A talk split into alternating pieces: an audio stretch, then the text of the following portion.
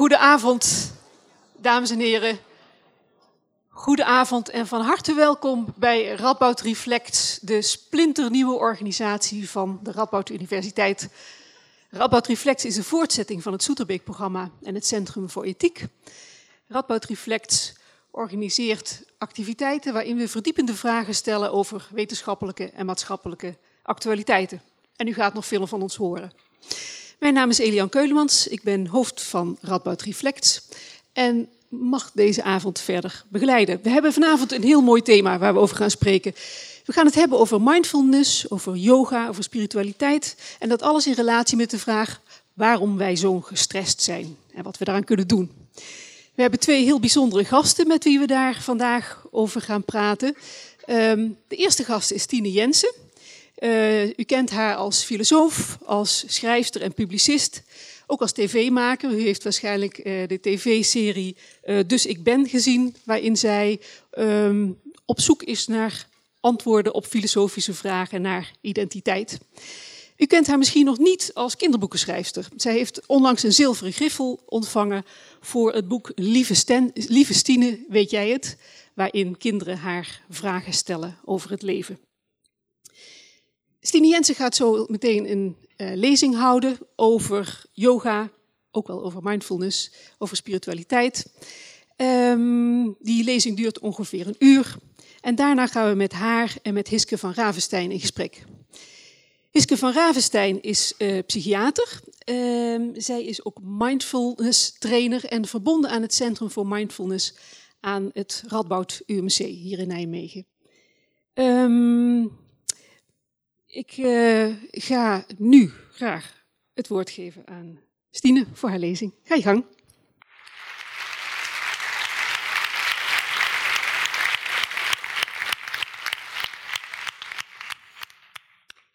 Goedenavond allemaal.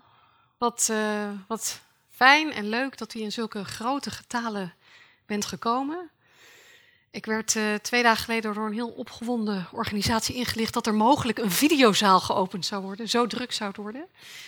Dus ik kreeg al bijna popster-allures, waarbij ik mij zag zwaaien naar de andere zaal. Uh, maar yoga leert je natuurlijk dat ego meteen te onderdrukken. En terecht, want uh, we passen allemaal in deze zaal. Maar desalniettemin, toch vind ik dat het er heel veel zijn.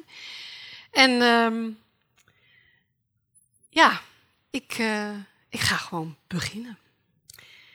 Wie de thermometer diep in de billen van de tijdgeest steekt, kan vaststellen dat velen op dit moment aan yoga, mindfulness of iets met spiritualiteit doen in Nederland. Ik hoef alleen maar in mijn omgeving rond te kijken om te constateren dat vrijwel iedereen die ik ken wel één of andere mentaal-lichamelijke training doet om zich beter te voelen. Een bevriende collega die beoefent mindfulness. En een andere vriend die doet een half uur per dag aan transcendentale meditatie. Die zegt nu ook de hele tijd: TM is de bom. Yoga werd onlangs in NRC Handelsblad de snelst groeiende sport van Nederland genoemd. En er wordt mindfulness op scholen gegeven. En terwijl de bladenmarkt in elkaar dondert, veroveren bladen als Happiness en Flow de markt. En het leuke aan deze bladen is dat ze afwijken van het traditionele vrouwenblad. Waarin uiterlijke en maatschappelijke zelfverbetering voorop staat. Het perfecte lichaam, de juiste kleding, de ideale moeder. Deze bladen doen er juist alles aan om je gerust te stellen en om je schuldgevoel te verminderen. Woorden als loslaten en ontspanning vallen om de haverklap. Ze bedrijven wat zo mooi heet positieve psychologie. Het leven is inspirerend, bubbelrijk, kleurrijk. En die tijdschriften zijn ook heel kleurrijk. Ze hebben ook een afwijkend groot formaat, vaak heel stevig papier. En dat allemaal gericht erop dat je ze ook kunt bewaren. Hè? Dat het niet meegaat in die wegwerpcultuur. Duurzame bladen voor een goed humeur. En er verschijnen ook nieuwe bladen. Er zijn nu geloof ik wel in Nederland al wel vier yogabladen. En je ziet ook dat uh, ja, de uh, kwaliteitsmedia als, als Time... dat die op de voorpagina een vrouw in een ontzettend ingewikkelde yogahouding plaatsen... om de wetenschappelijke waarde van yoga op de agenda te zetten. En wist u trouwens al dat het Nederlands elftal tegenwoordig opwarmt met de zonnegroet? Wat betekent de groei van zweetyoga, yoga, cursussen mindfulness, meditatie en de populariteit van zogenaamde mindstylebladen? Is er misschien sprake van een veroostersing van de samenleving? En waar komt die behoefte aan spiritualiteit in een geseculariseerde samenleving vandaan? Nou, daarover gaat de lezing vandaag. Maar voordat ik dan uh, daaraan ga beginnen, wil ik eerst met jullie een kleine oefening doen. Uh, ik wil vragen of jullie even beide benen op de grond zetten. Even de billen goed naar achter schuiven in de stoel. En je kan de handen bijvoorbeeld losjes in je schoot leggen. En je mag de ogen even sluiten. En kijk of het lukt om je schouders te ontspannen. Laat ze gewoon rustig vallen. Om je kin een beetje ingetrokken naar achter in een neklok te doen. En adem dan, volg rustig je adem. Volg rustig en kijk hoe die van je buik gaat en weer naar boven.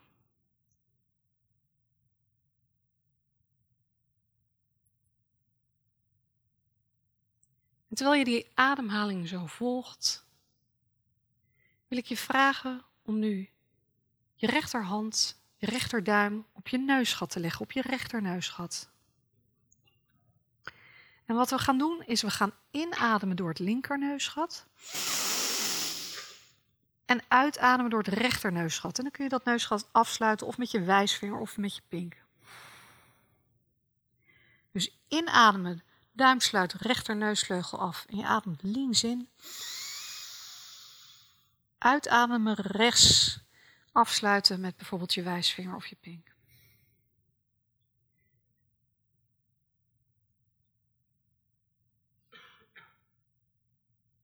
En doe dat in een rustig tempo. Kijk of je echt die adem naar binnen kunt voelen komen door dat linker neusgat. En weer naar buiten kunt voelen gaan door dat rechter neusgat.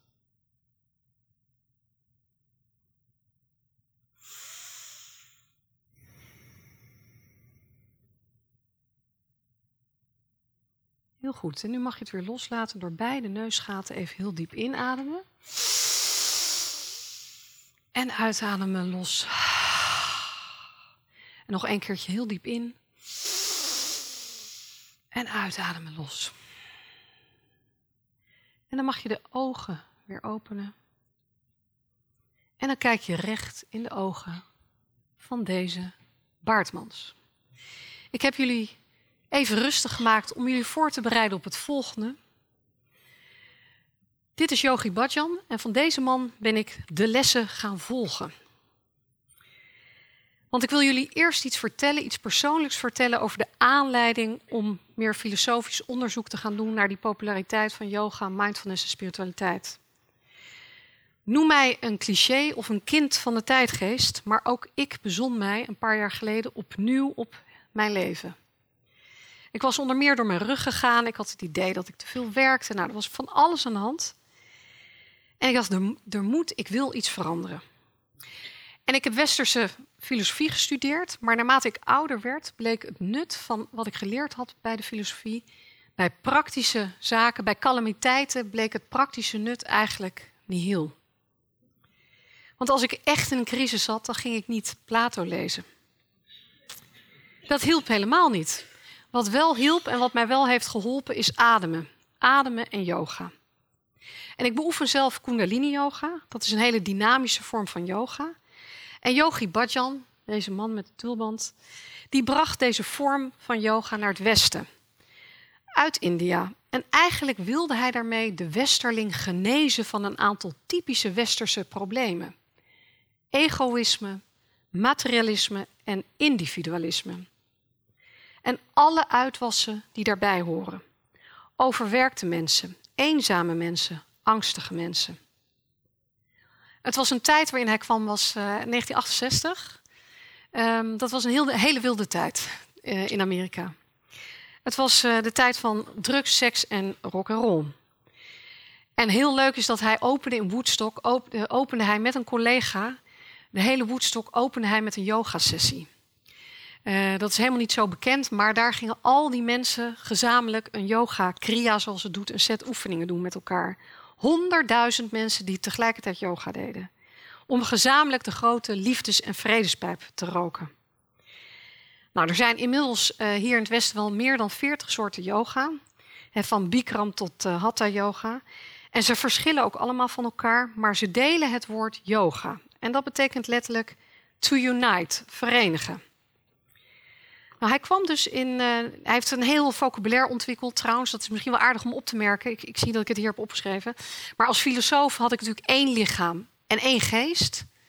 En toen ik Kundalini yoga ging doen, had ik 10 bodies, 99 facetten van de geest, 8 chakras, een third eye hier en 5 sutras.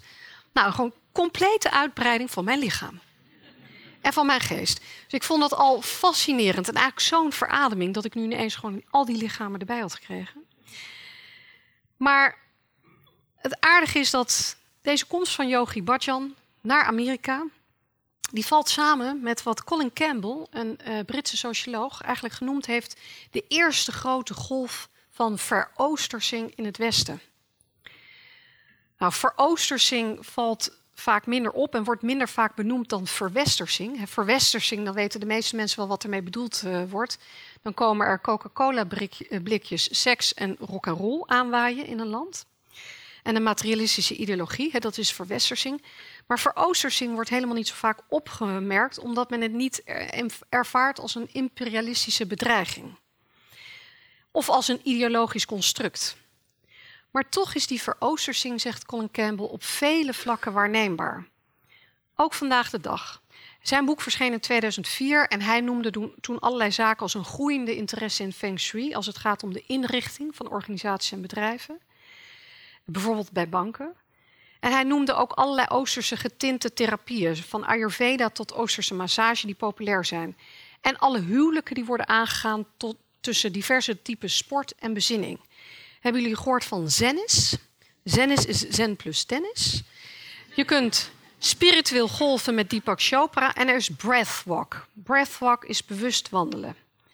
En er wordt ook het woord Tao overal voorgeplakt. The Tao of Cooking, the Tao of Divorce, de Tao van leiderschap, de Tao van de vrouw. Waarbij Tao eigenlijk alleen dan nog maar aanduidt dat het gaat om een totaliteit, om een geïntegreerd concept.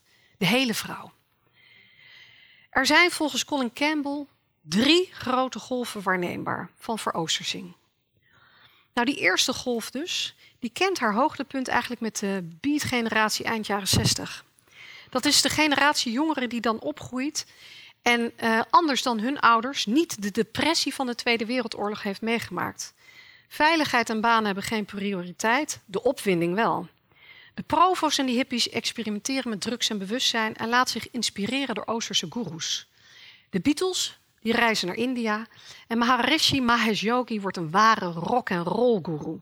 Die ook de Beach Boys, maar ook vele andere beroemdheden inspireert. En in filosofiefaculteit in Nederland wordt volop Oosterse filosofie beoefend. Berucht zijn onder meer de colleges van Otto Duintjer, die uh, zijn studenten meenam naar het Vondelpark en eerst gewoon Tai Chi ging doen voordat hij uh, les ging geven. Nou, dat lijkt me geweldig. Waarom doen ze dat niet meer? Gewoon lekker naar het park en dan filosoferen. En nu zie je dat eigenlijk dingen als empathie of compassie, dat zijn buitenschoolse activiteiten geworden. Je moet dan naar een centrum waar je dat kan doen, yoga. Hè? Dat, dat is helemaal niet dat geïntegreerd is uh, op de universiteit of zo.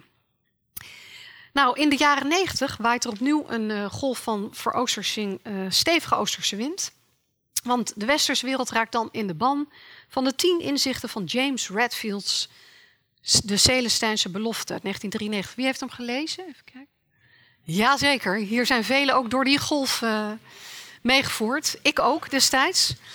En wat waren die inzichten zoal? Uh, toeval bestaat niet. Wees spiritueel en leef intuïtief. En het leggen van tarotkaarten, I Ching en astrologie waren toen erg populair. New Age was de verzamelnaam voor dit fenomeen. Van tofu tot mediums en van het genezen met kristallen tot het pendelen. Het zat wel in een bepaald hoekje. En met de huidige golf, de meest recente golf van veroostersing, is dat anders, stelt Campbell. Want bleef de belangstelling voor Oosterse wijsheden eerder beperkt tot of een kleine groep intellectuelen, popmuzikanten en kunstenaars in de jaren 60, of tot zweverige New Agers, uh, nu, vandaag de dag, wordt voor Oostersing breed gedragen. Van hoog tot lager opgeleid, van intellectueel tot commercieel.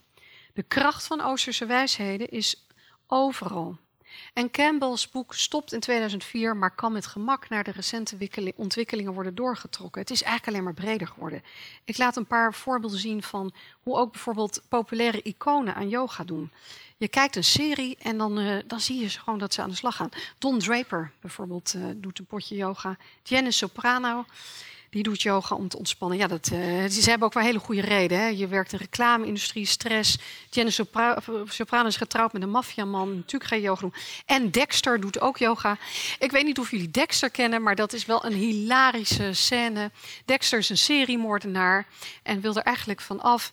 En gaat yoga doen. En hij vindt het eigenlijk echt verschrikkelijk trouwens. Het, uh, lukt niet om Dexter uh, om te turnen en hem meer empathisch te maken.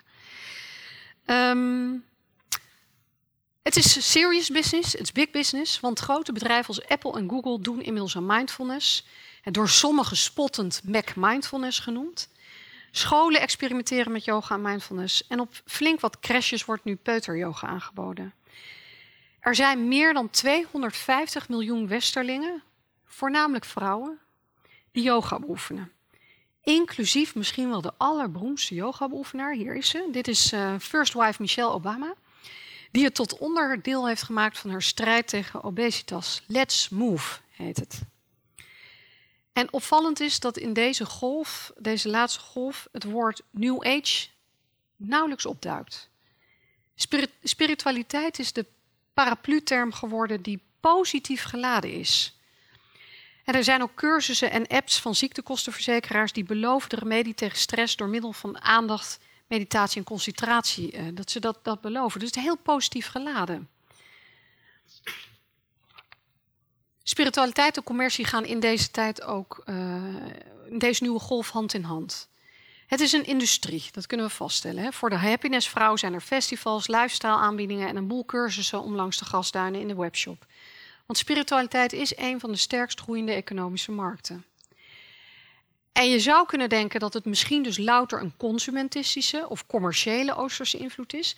Maar Campbell stelt vast dat de huidige veroostersing dieper gaat dan een nieuwe inrichting, een fijne wellnessbehandeling of een Oosters gekruide maaltijd. Het gaat niet alleen om een oppervlakkige uitwisseling van bruikbare goederen. Nee, het gaat in deze golf echt om de import van ideeën en wijsheden. Nou, ik heb een ontzettend dualistisch schema gemaakt. Maar ik vond het toch handig om dan even in kaart te brengen met Colin Campbell in handen. Wat nou eigenlijk die grote verschuiving inhoudt. En wat, wat dan die import van ideeën zoal behelst. En waarom wilde ik dat doen? Omdat Campbell zegt dat deze nieuwe golf van veroostersing net zo belangrijk is voor onze tijd als de verlichting en de renaissance. Het mankeert, en wij zitten daar dus middenin, een fundamentele kanteling in het westerse denken. Een afscheid namelijk in het geloof in rationaliteit, letterlijkheid en geschiedenis.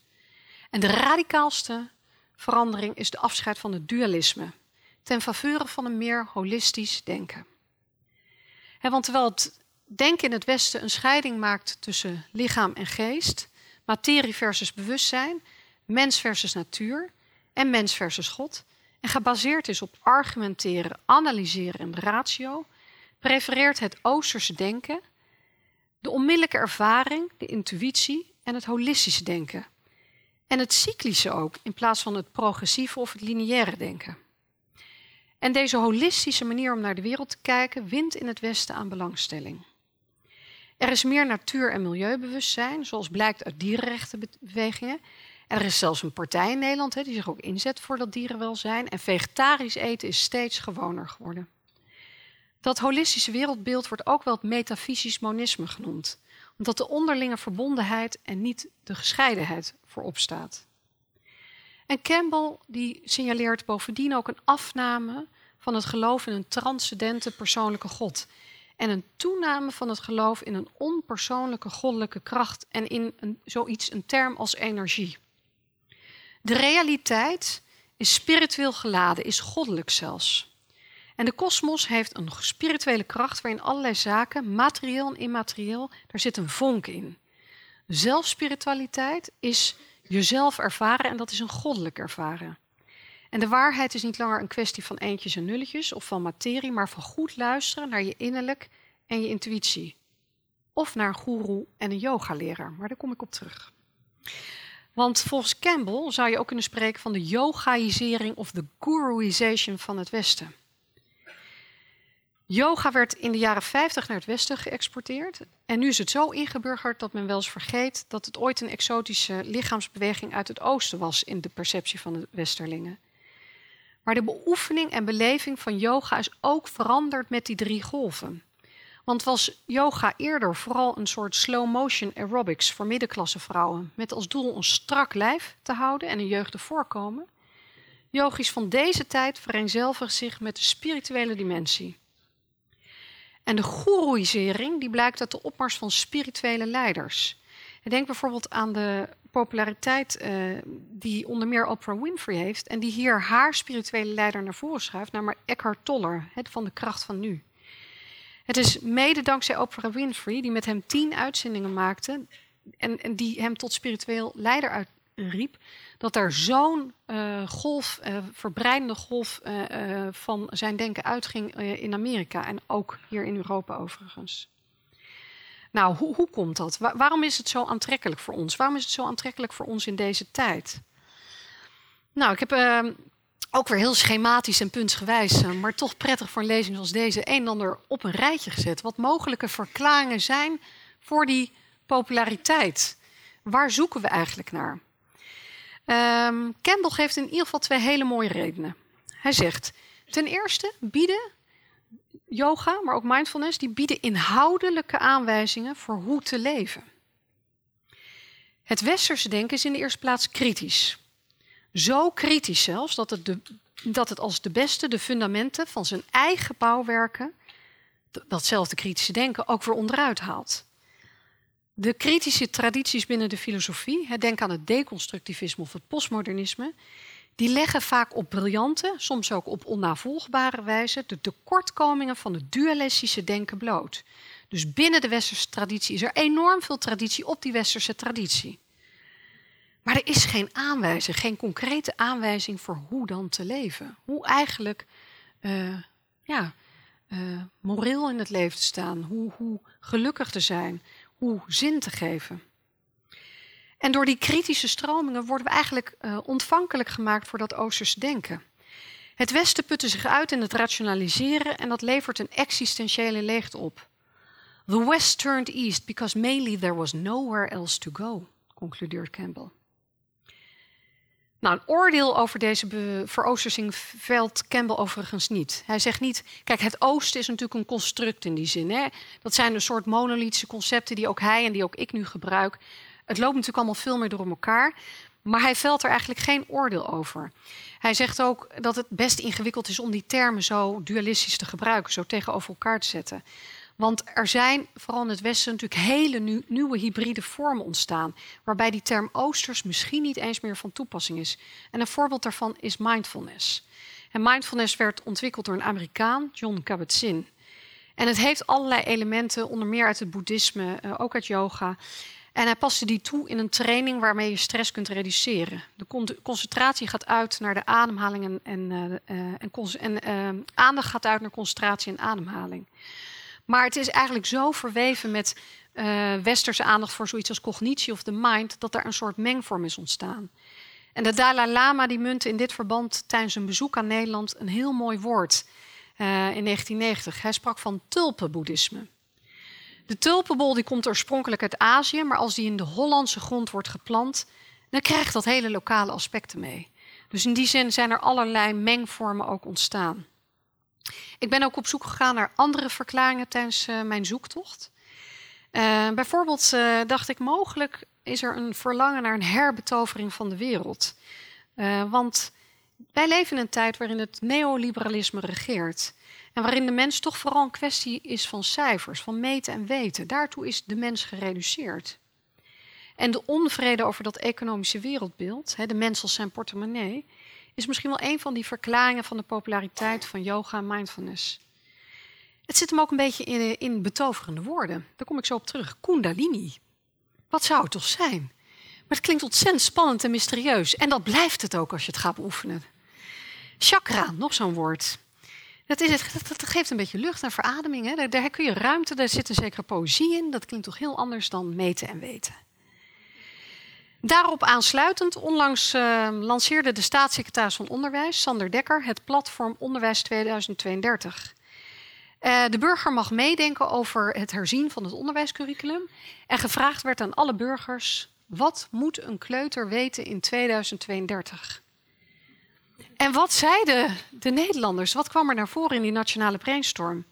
Men wilde aandacht voor persoonsvorming. Men wilde filosofie, yoga en mindfulness op school. Verrassend. En misschien ook niet. Volgens Paul Snabel, die het platform leidt, is er sprake van een spiritueel tekort in de samenleving. En nu is spiritualiteit misschien een beladen woord, maar Snabel heeft denk ik wel gelijk.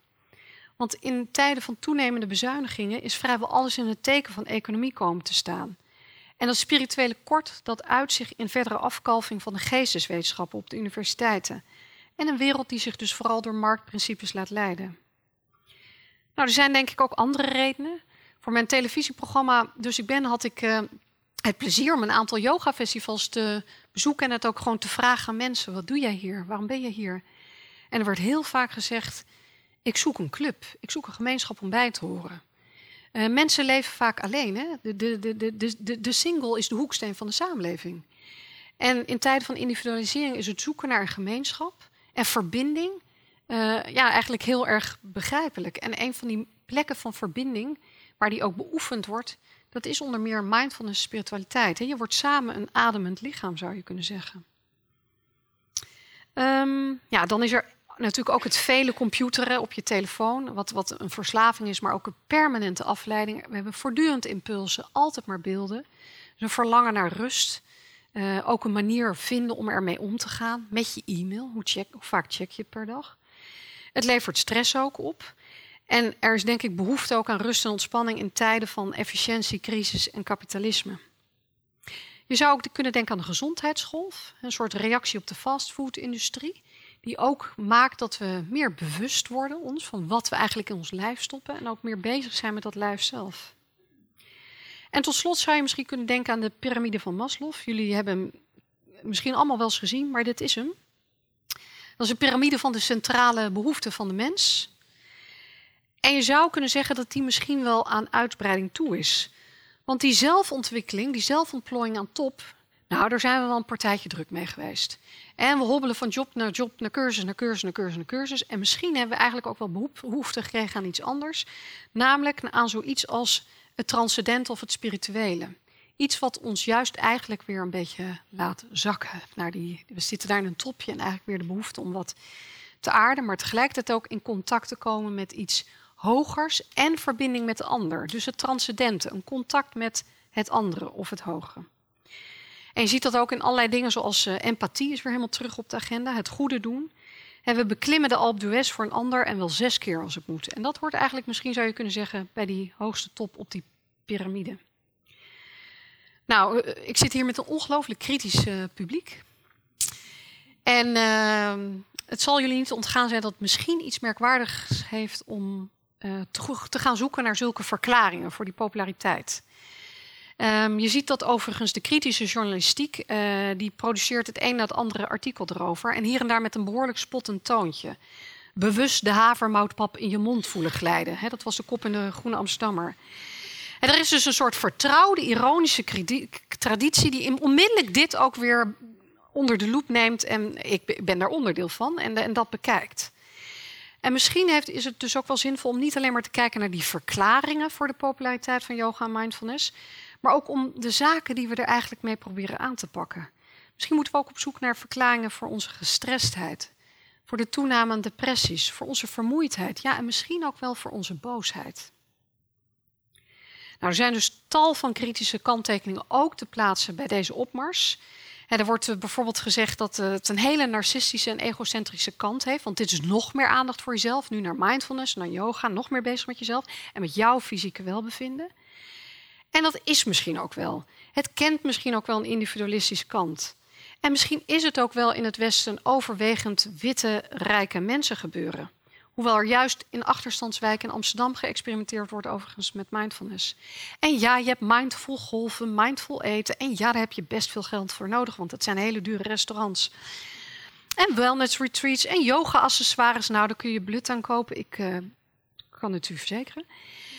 Maar dat neemt niet weg dat ik persoonlijk liever een grote gele M van mindfulness in iedere stad zie opduiken dan de M van McDonald's. En dat ik me meer zorgen maak over de grote hoeveelheden stress en antidepressiva die worden uitgeschreven, of de verdere economisering van de samenleving, dan over mensen die op een matje een poging doen om ontspannen te worden, of hun dag bewust met havermout beginnen. Nou, ik vind het uh, leuk om tot slot iets te vertellen over mijn eigen zoektocht binnen de Kundalini-yoga. Want voor mijzelf golden waarom ik dat ging doen eigenlijk bijna alle redenen die ik daar heb opgenoemd. En die ik heel mooi universeel heb gemaakt. Eén daarvan was zeker die van de uitgeputte denker. Ik zei al, ik heb westerse filosofie uh, gestudeerd. Ja, zo ziet de denker eruit.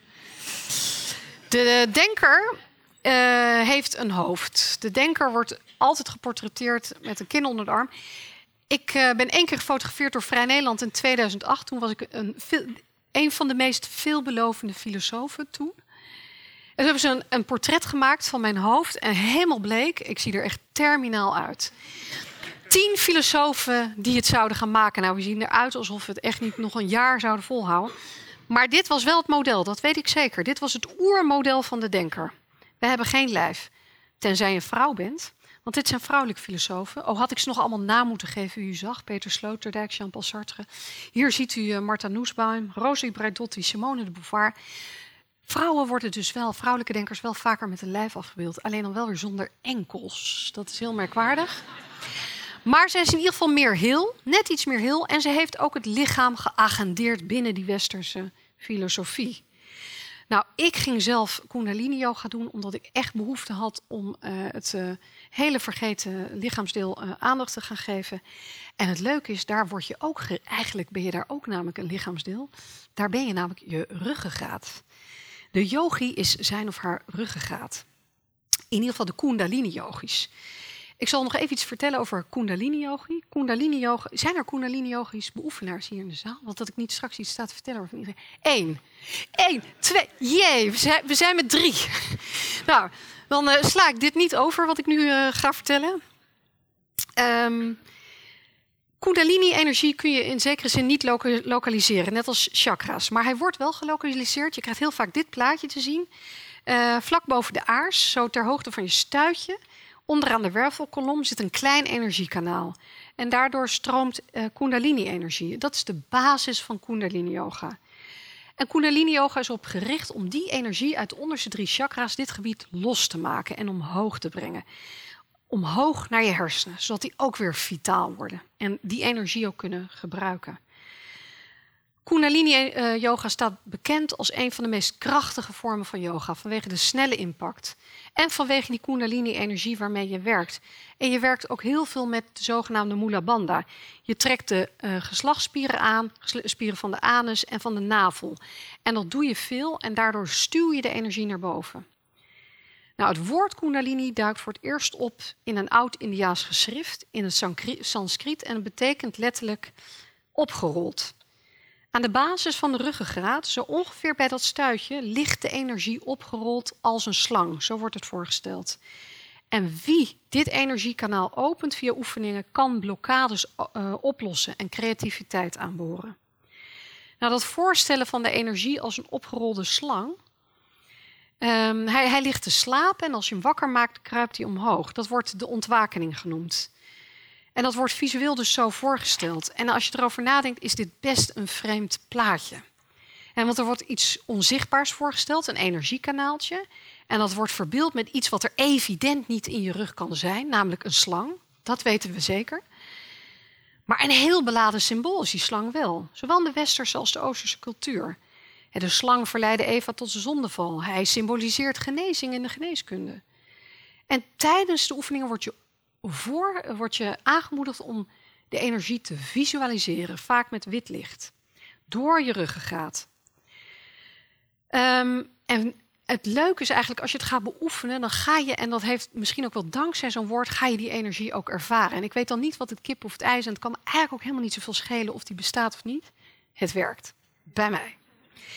Nou, het leuke is dat de reputatie van Kundalini Yoga, uh, dat die ook um, heel spannend is vanwege die Kundalini-energie. Want het wordt ook wel de seks-yoga of de klaarkom-yoga genoemd. Het is een tantrische yoga omdat hij veel werkt met de energie van de bekken- en heupgebied. wat bij de westerse mensen dus ongelooflijk vast zit. En daar kan ik wel allemaal dingen over dansen gaan vertellen, maar doe ik niet, want ze al heel stereotyp zijn. Maar goed, dit is wat Yogi Bhajan heeft gezegd. De westerse mens kan wel wat meer heupoefeningen gebruiken. En je lust kan toenemen. Je lust ook in de zin van vitaliteit, levenslust. Maar goed, de reputatie van Kundalini Yoga snelde ook uh, zichzelf vooruit. En we kijken even mee naar een fragment uit Sex in the City... waar Samantha een potje Kundalini Yoga gaat doen. Uh, uh, het is Turks ondertiteld, maar het is gewoon in het Engels. Maar dat was gewoon omdat dit op YouTube stond. Dus luister naar het Engels. ook goed.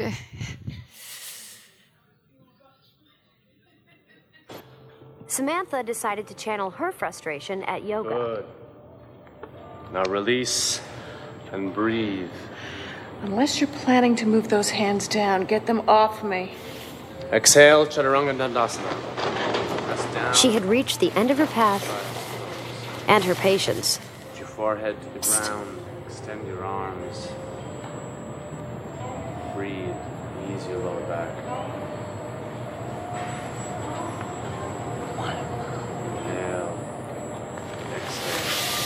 Wanna fuck?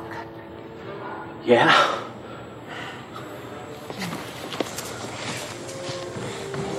Samantha spent the rest of the afternoon having multiple yogasms. Nou, zij munt dus ook een heel nieuw woord, yogasme. En er is een enorme. Ja, er wordt veel nu gesproken over die lustpil voor vrouwen. En dan heb ik diverse artsen op tv horen zeggen dat een vrouw net zo goed een glaasje alcohol kan drinken. Nou, ik zou zeggen, je kan ook gewoon één lesje yoga gaan doen. Uh, dat is eigenlijk de beste lustpil, met name Kundalini yoga. De beste lustpil, levenslustpil ook. Ook in brede zin levenslustpil voor vrouwen die er is, mensen. En voor mannen ook. Er is een hele, hele markt. Ooit was het een ge ge geitenwolle sokkenindustrie. En nog steeds die reputatie is dat je mannen dan heel erg van een soort zweven. Nee, Real Men Do Yoga. Dit is ook viriliteit als markt. Het is een compleet nieuwe markt waarbij atleten ook dit soort dingen doen. Onder de tattoos zitten enzovoort. Nou, er is niet zo heel veel. Er, het is enorm uh, omstreden eigenlijk. Uh, wat de wetenschappelijke. Het is niet enorm omstreden. Ik zeg het verkeerd. Er is gewoon weinig wetenschappelijk onderzoek gedaan naar uh, de effecten van Kundalini yoga. Kundalini yoga. Is het echt waar dat je er vitaler van wordt? Word je er meer ontspannen van? Bij mindfulness ligt dat gelukkig inmiddels helemaal anders. Maar Kundalini yoga, um, dat, dat, dat is nog, uh, ja, op de een of andere manier gaan de handen daar nog niet voor op elkaar in de wetenschappelijke wereld. Ik denk dat dat gaat veranderen, zeker in deze tijd. Um, in Eerlijk over Yoga, voor, voor de enorme kritische, nuchtere mensen onder ons die hier zitten. Dit is een van de allerleukste boeken die ik heb gelezen over het wetenschappelijk bewijs wat er nu is voorhanden over de van yoga, uh, effectiviteit van yoga. En een heel stuk over het seksleven en Kundalini yoga. Bijzonder vermakelijk en ontzettend interessant. Allerlei claims worden hier onderzocht.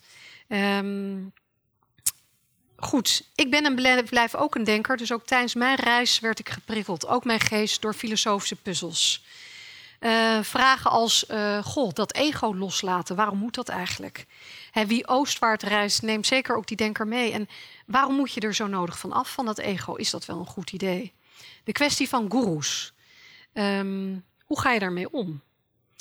Uh, ja, wat, wat, wie vertrouw je weer niet? Want je gebruikt je intuïtie vaak. De kwestie verlichting. Wat is verlichting? De zoektocht ernaar. En ook die woorden als chakras en kundalini. Nou, ik heb al die, uh, deze filosofische puzzels en mijn eigen zoektocht en hoe ik daar uiteindelijk zelf mee om ben gegaan in uh, mijn boek um, verwerkt. Maar ik wil jullie één fragment meegeven, omdat het zo ontzettend leuk is van even die hele andere kant die belicht wordt. Dat is de documentaire Kumare. Ik weet niet of jullie hem gezien hebben. Maar dit is echt een tip om te kijken, want dit laat ook een beetje zien van dat dat verlangen van die uh, westerse mensen ook soms kan, ertoe kan leiden dat je ook wel ja, zomaar iedereen achterna loopt. In ieder geval een guru uit Amerika die zichzelf heeft uitgevonden en Kumare heeft. We kijken even naar de, uh, naar de clip, de trailer.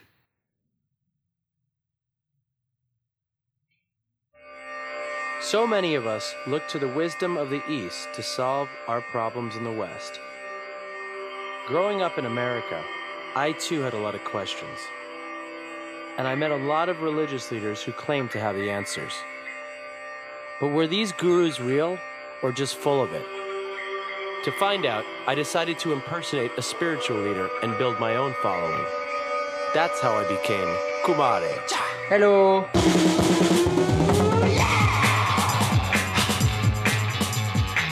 If you act like a guru, then you can become a guru, no? Then you come like this.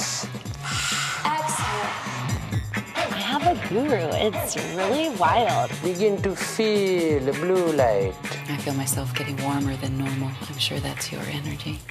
I have always wanted to connect with a true, authentic person from India. I have intense feelings about the whole planet.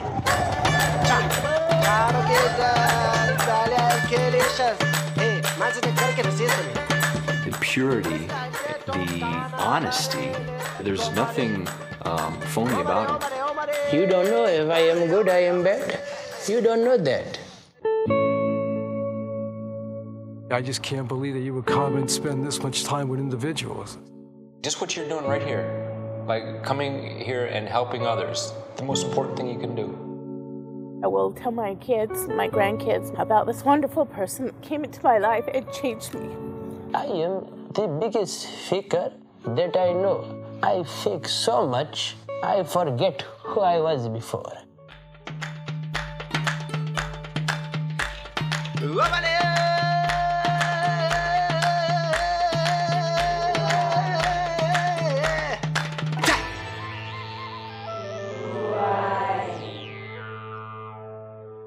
Ja, ah, het is echt een hele mooie documentaire en hij is ook ontroerend, omdat je ziet dat uh, deze mensen wel echt iets ondergaan en veranderen. Ze worden natuurlijk ook een beetje in de maling genomen. Maar de vraag is wel, um, als ik kijk naar wat deze guru doet, hij gebruikt wel degelijk gewoon ook yoga-oefeningen. En zijn verhaal is eigenlijk best wel heel goed. Namelijk dat uh, deze mensen hun eigen ideeën op hem reflecteren. En dat hij ze teruggeeft wat hij ziet. Dus zo gek is het ook weer niet allemaal. Het is een leerzame documentaire. Um, dus een, een, aanrader, kortom. Maar dat, uh, het neemt niet weg intussen dat uh, er heel veel mensen zijn die wel echt ook baat hebben bij yoga en mindfulness. Ik ben er één van. En dat hoewel er dus met name ook op die Kundalini yoga het wetenschappelijk bewijs niet overdonderend is, is er wel overdonderend veel anekdotisch bewijs dat het helpt. Dat je ervan opknapt. En dat anekdotische bewijs, dat is voornamelijk ook een genre geworden in het Westen. Dat is een genre boeken. En die zijn heerlijk om te lezen, vind ik vaak. Um, en ik heb ook dat genre bestudeerd om te kijken hoe het in elkaar zit. Wat gebeurt er eigenlijk? En hoe onderga je eigenlijk zo'n transformatie? Nou, ik heb zelf zo'n transformatie ondergaan. Ik heb een opleiding gedaan, die duurde een jaar. En ik uh, doe nu allerlei dingen waarvan ik dacht dat ik ze nooit zou doen. Elke ochtend een koude douche nemen, bijvoorbeeld, is er één van. Ik sta soms om vier uur op om uh, yoga te gaan doen. En ik ben er erg van opgeknapt. En ik heb ook geprobeerd om te begrijpen wat dat eigenlijk voor soort transformatie is. En hij lijkt eigenlijk een beetje op een bekering, zou je kunnen zeggen. Je stapt namelijk ook in een nieuw vocabulaire. Je stapt in een nieuwe taal. Het zijn rituelen die je eigen maakt. Uh, ik heb ook gekeken naar hoe dat genre in elkaar zit van die boeken die zo'n transformatie beschrijven. En dan zie je eigenlijk dat er een aantal kenmerken zijn. Er is altijd, was er een probleem. Er was een groot probleem, een crisis. Je ging door je rug. Je had een echtscheiding. Iemand ging dood. Een grote crisis. Dat leidde ertoe dat je iets moest, iets moest gaan doen aan jezelf. Uh, te veel stress, banen, ontslag, dat kan ook allemaal. Er was een probleem. Toen vond je yoga en mindfulness, dat was het geneesmiddel. Je maakte een entree in een nieuw vocabulaire, in een nieuwe taalspel zou je kunnen zeggen. En daarna ging het beter met je. Er is dus een before en een after. En dat zie je heel mooi terug ook in flapteksten van boeken, van eigenlijk zo'n anekdotisch bewijs van dat het werkt. uh, van hoe dat gaat. Ik heb een aantal voorbeelden van die flapteksten. Van, de, deze markt groeit namelijk ook enorm. De markt van boeken die beschrijven hoe, hoe iemand een transformatie ondergaat. Een paar jaar geleden voelde Hedy de Vree zich ongelukkig en alleen. Alles veranderde toen ze in eerste instantie met tegenzin naar een yogales ging. En daar iets heel anders vond dan ze had verwacht. Inmiddels is ze gelukkig. Het zijn echt positief, het is echt happy end boeken, zei ik net. Um, op haar dertigste heeft Elizabeth Gilbert alles wat een ambitieuze, hoogopgeleide vrouw zich zou kunnen wensen: een echtgenoot, een huis en een succesvolle carrière. Maar in plaats van gelukkig te zijn, wordt ze overspoeld door paniek. Ze gaat dan bidden, onder meer. En u begrijpt, er komt een getransformeerde, gelukkige vrouw uh, uit een bestseller was dit boek, Eten, Bidden, Beminnen. Een van de allerleukste boeken die ik heb gelezen, allerbeste boeken, is van Tim Parks. Leer ons stil te zitten. En dat is met name zo leuk omdat je, hij je eigenlijk helemaal meeneemt in het proces. En sommige van die boeken, dan is diegene is al op die plek. En die spreekt de lezer ook meteen aan met namaste. Doet hij nog niet aan yoga? Begin dan meteen. Maar het leuke aan Tim Parks is dat hij enorm sceptisch is in het begin. En daar zie je die transformatie, beleef je prachtig mee. Um, maar ook hier is die flaptekst, heeft diezelfde ingrediënten. Na een vruchteloze gang langs de loketten van de traditionele geneeskunde vindt hij tot zijn eigen verbazing verlichting in het doen van ademhalingstechnieken en ontspanningsoefeningen. Uiteindelijk komt hij zelfs uit bij meditatie en dat was nou wel het laatste wat hij had verwacht. Leer ons stil te zitten uh, van Tim Parks is dit. Nou, je ziet hier eigenlijk in dat boek je heel mooi, als genre kun je dit bestuderen, hoe er eigenlijk een taaltransformatie ook plaatsvindt. Ja, en dan heb ik zelf natuurlijk ook zo'n flaptekst moeten maken. Dus uh, ik wist ongeveer wel hoe dat moest volgens de regels van het uh, genre. Na jarenlang studie van de westerse filosofie en een werkzaam leven op de universiteit gooit Stine Jensen na een crisis het roer om. Op zoek naar meer geluk, rust en de Amerikaanse guru verandert, veranderen moet er staan. Verandert haar, eetgewoonte, verandert haar eetgewoonte drastisch en mediteert ze dagelijks. Is ze gelukkiger? Ik ga dus mee in alle conventies van het genre. Ik eindig wel met een vraagteken, want ik ben en blijf een filosoof. En ik wou het nog een klein beetje spannend houden voor de lezer. Maar ik wil u vanavond het antwoord wel verklappen. Het antwoord is ja. Dank u wel.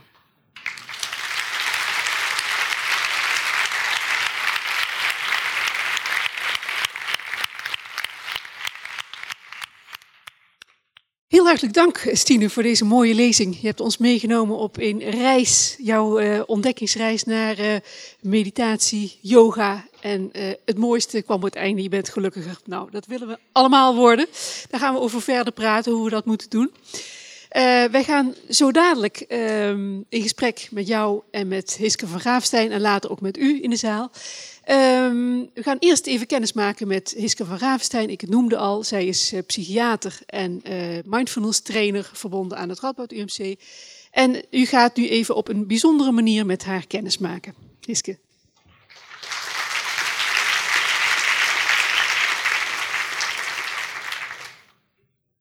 Goedenavond. Ik wil jullie graag uh, iets laten ervaren. En um, opnieuw uh, vragen om de voeten op de grond te zetten.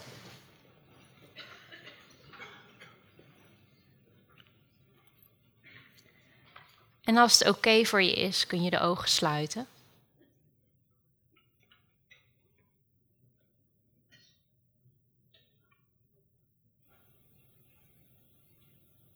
En hier nu zitten.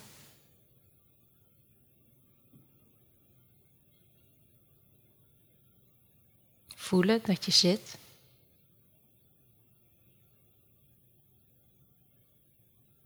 Bewust van je billen op de stoel.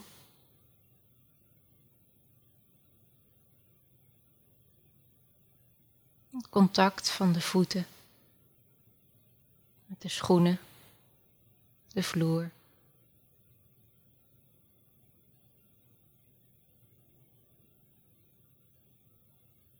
Misschien het gevoel van de rug tegen de leuning.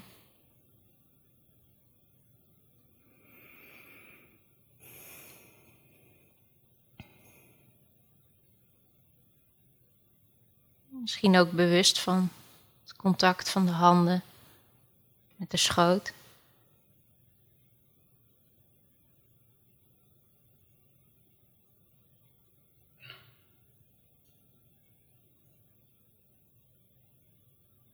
En zo bewust van het hier aanwezig zijn. In deze zaal. Deze plek. Op dit moment.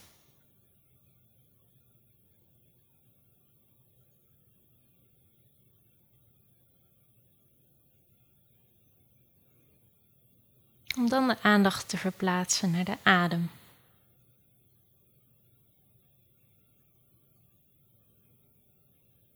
Inademing. De uitademing.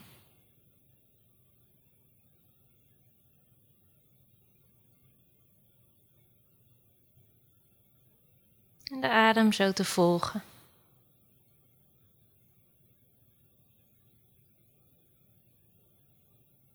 De beweging die de adem in het lichaam teweeg brengt.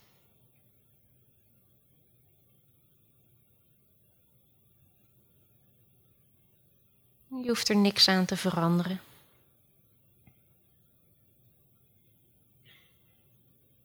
De adem is zoals die is.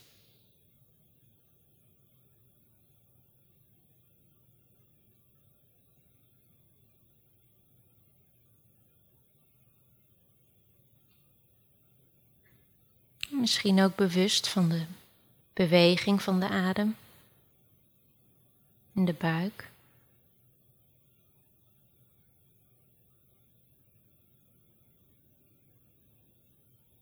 In de borst.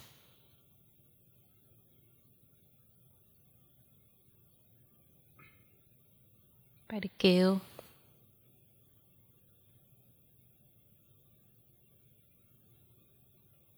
Of misschien de lucht die door de neusholte, neusgaten gaat.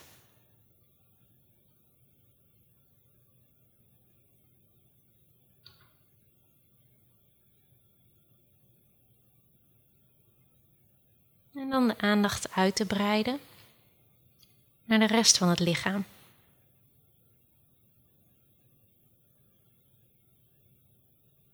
Wat valt er op te merken?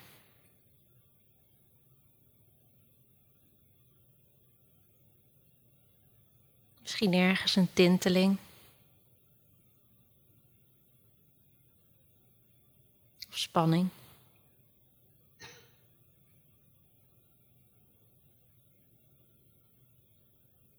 Misschien juist een gevoel van ontspanning.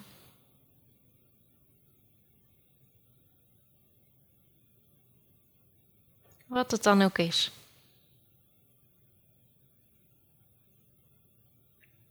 Het is wat zich op dit moment aandient.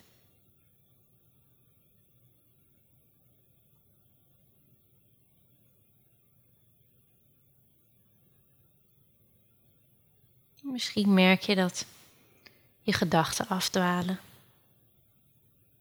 Je denkt aan dingen van morgen of misschien zojuist wat je gehoord hebt. Dan kun je het opmerken en de aandacht terugbrengen naar het lichaam.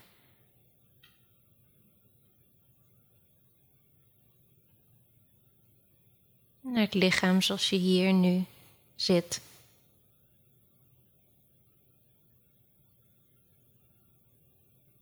In deze stoel. Tussen deze mensen.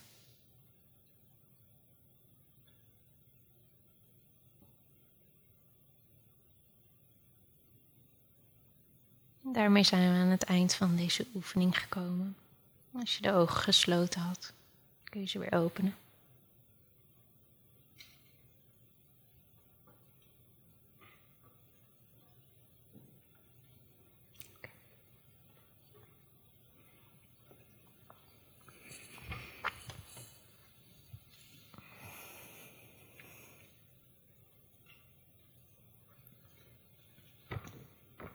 Dames en heren, wij hebben hebben zojuist echt aan de lijve iets ervaren van wat uh, mindfulness is. Uh, heeft ons een mindfulness oefening uh, gegeven. We hebben van allemaal meegedaan. Um, ik ben benieuwd, Stine, jij bent vooral in yoga geoefend, heb je ons verteld. Hoe ervaar jij zo'n mindfulness oefening? Nou, de, de, vorm van yoga die ik beoefen die is heel erg rijk. Die bevat onder meer meditatie, mantra zingen. Um, en een, dus wat er bij mindfulness gedaan wordt, dat, daar zitten ook wel elementen herken ik wel van de yoga. En wat ik in ieder geval net ervoor was dat ik dacht, jongen, ik wind me best op tijdens het geven van zo'n lezing. Want ik voelde echt mijn hart er Ik dacht, nou, ik kom best relaxed over. Maar toen ik zit, dacht ik, nou, ja, ik, voel, ik voelde wel dat ik, uh, dat ik toch een uh, inspanning heb geleverd. Uh, ja. En werkt het dan ook om in die korte tijd je over te geven aan zo'n ja, ja, ik vind het heerlijk. Ja, ik vind het heerlijk dat er een moment ook is van soort stilte. Want gedurende de dag neem je die eigenlijk heel weinig. Um, of, en ook wij als samenleving nemen heel weinig. Als ik één voorbeeld mag geven. Gisteren uh, heeft Joost Wageman zelfmoord gepleegd. En ik ken hem persoonlijk en het raakte mij. En um, de, de onmiddellijke uh, haast van talkshows om, om Matthijs van Nieuwkerk daar te zetten, om die daar te zetten. Om, weet je, er, en ik bespeurde bij mezelf ook. Ik dacht, god, ik moet even mijn vriend, heeft hij wel gezien dat dit en... dacht, oh, oh wat voel ik eigenlijk? Wat, uh, wat, wat betekent het? En dat, dat er ook soort dat, dat, je, dat we dat als maatschappij ook nauwelijks die rust of die tijd nemen. Zo, zo even zitten. En nu ben ik ook maar weer aan het. Uh, maar daarvoor zitten we hier ook. Maar daarvoor zit ik hier. Maar goed, dat, dat, dat schoot allemaal door, ook door mij heen. Terwijl ik zo even echt zo dacht: oh, je stil. Ja. Is dat, uh, Hiske, wat, wat je wil bewerken? Je hebt het ons laten ervaren. Maar als je nou zou moeten uitleggen, wat is dat nou, die mindfulness? Nou, ik denk dat wat je ervaart, dat je heel mooi aangeeft.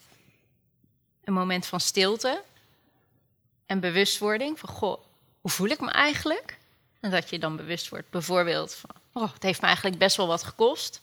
ik mag best wel even een moment nemen om stil te zijn. Um, dat is iets wat ik wel vaak terughoor bij mensen. Dat, dat zo'n oefening ertoe leidt dat je gaat voelen wat er eigenlijk aan de gang is. Fysiek, maar, maar ook wat, wat er aan de gang is qua gedachten en qua emoties. En door even stil te staan, schiet je wat minder makkelijk in automatische patronen.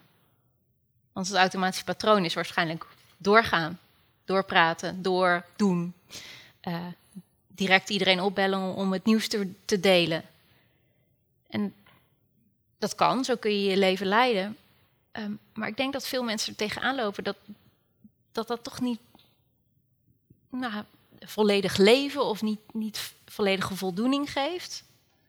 En, en dat juist die momenten van stilstaan en oké, wat doet dit met me? Hoe voel ik me eigenlijk? Dat dat de momenten zijn ja, waarop je heel bewust aanwezig bent.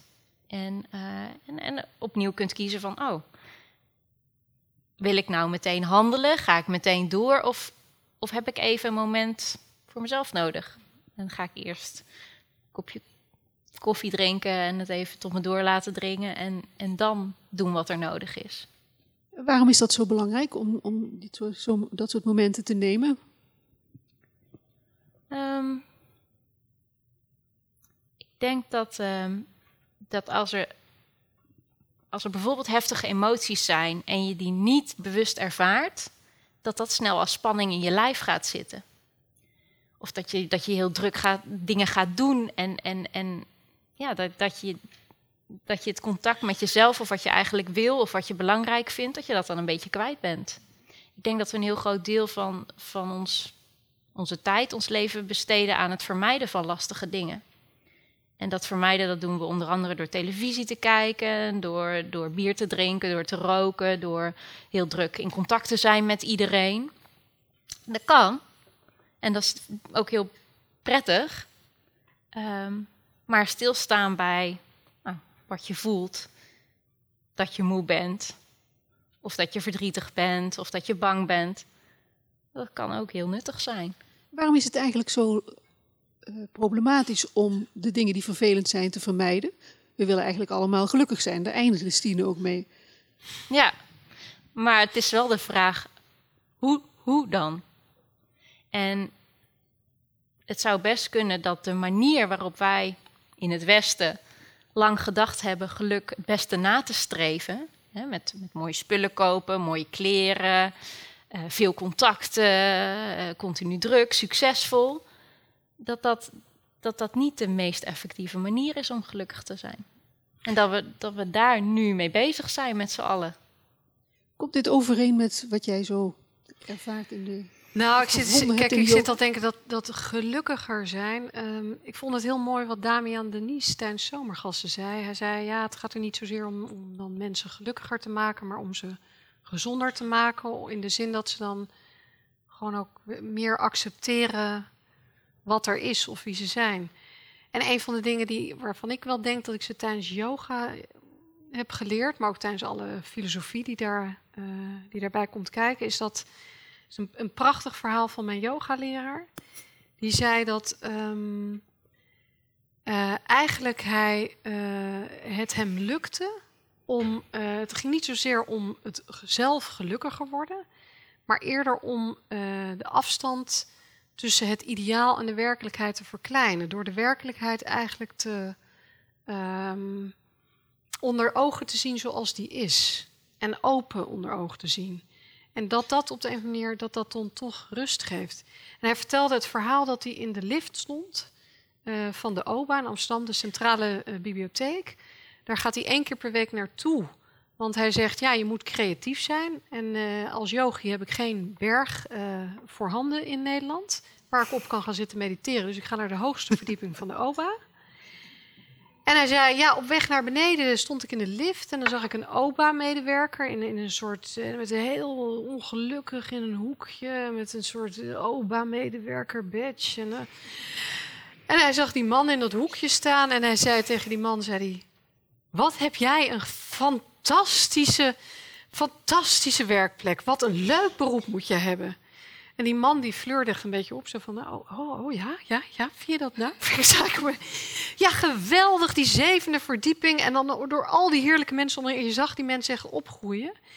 En ik vond het echt zo'n mooi, mooi, mooi verhaal van hoe je ook uh, jouw um, poging om jezelf beter te doen voelen ook neer, weerslaat op andere mensen.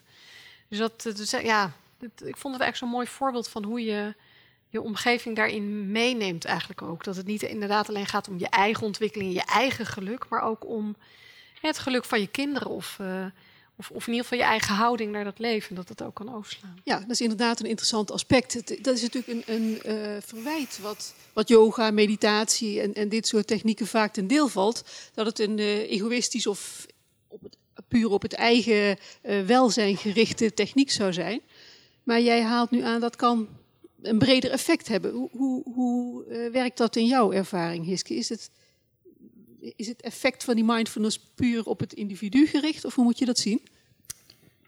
Nou, ik denk dat het in eerste instantie wel een individuele beoefening is. Dus mensen, mensen gaan dit zelf toepassen in hun leven.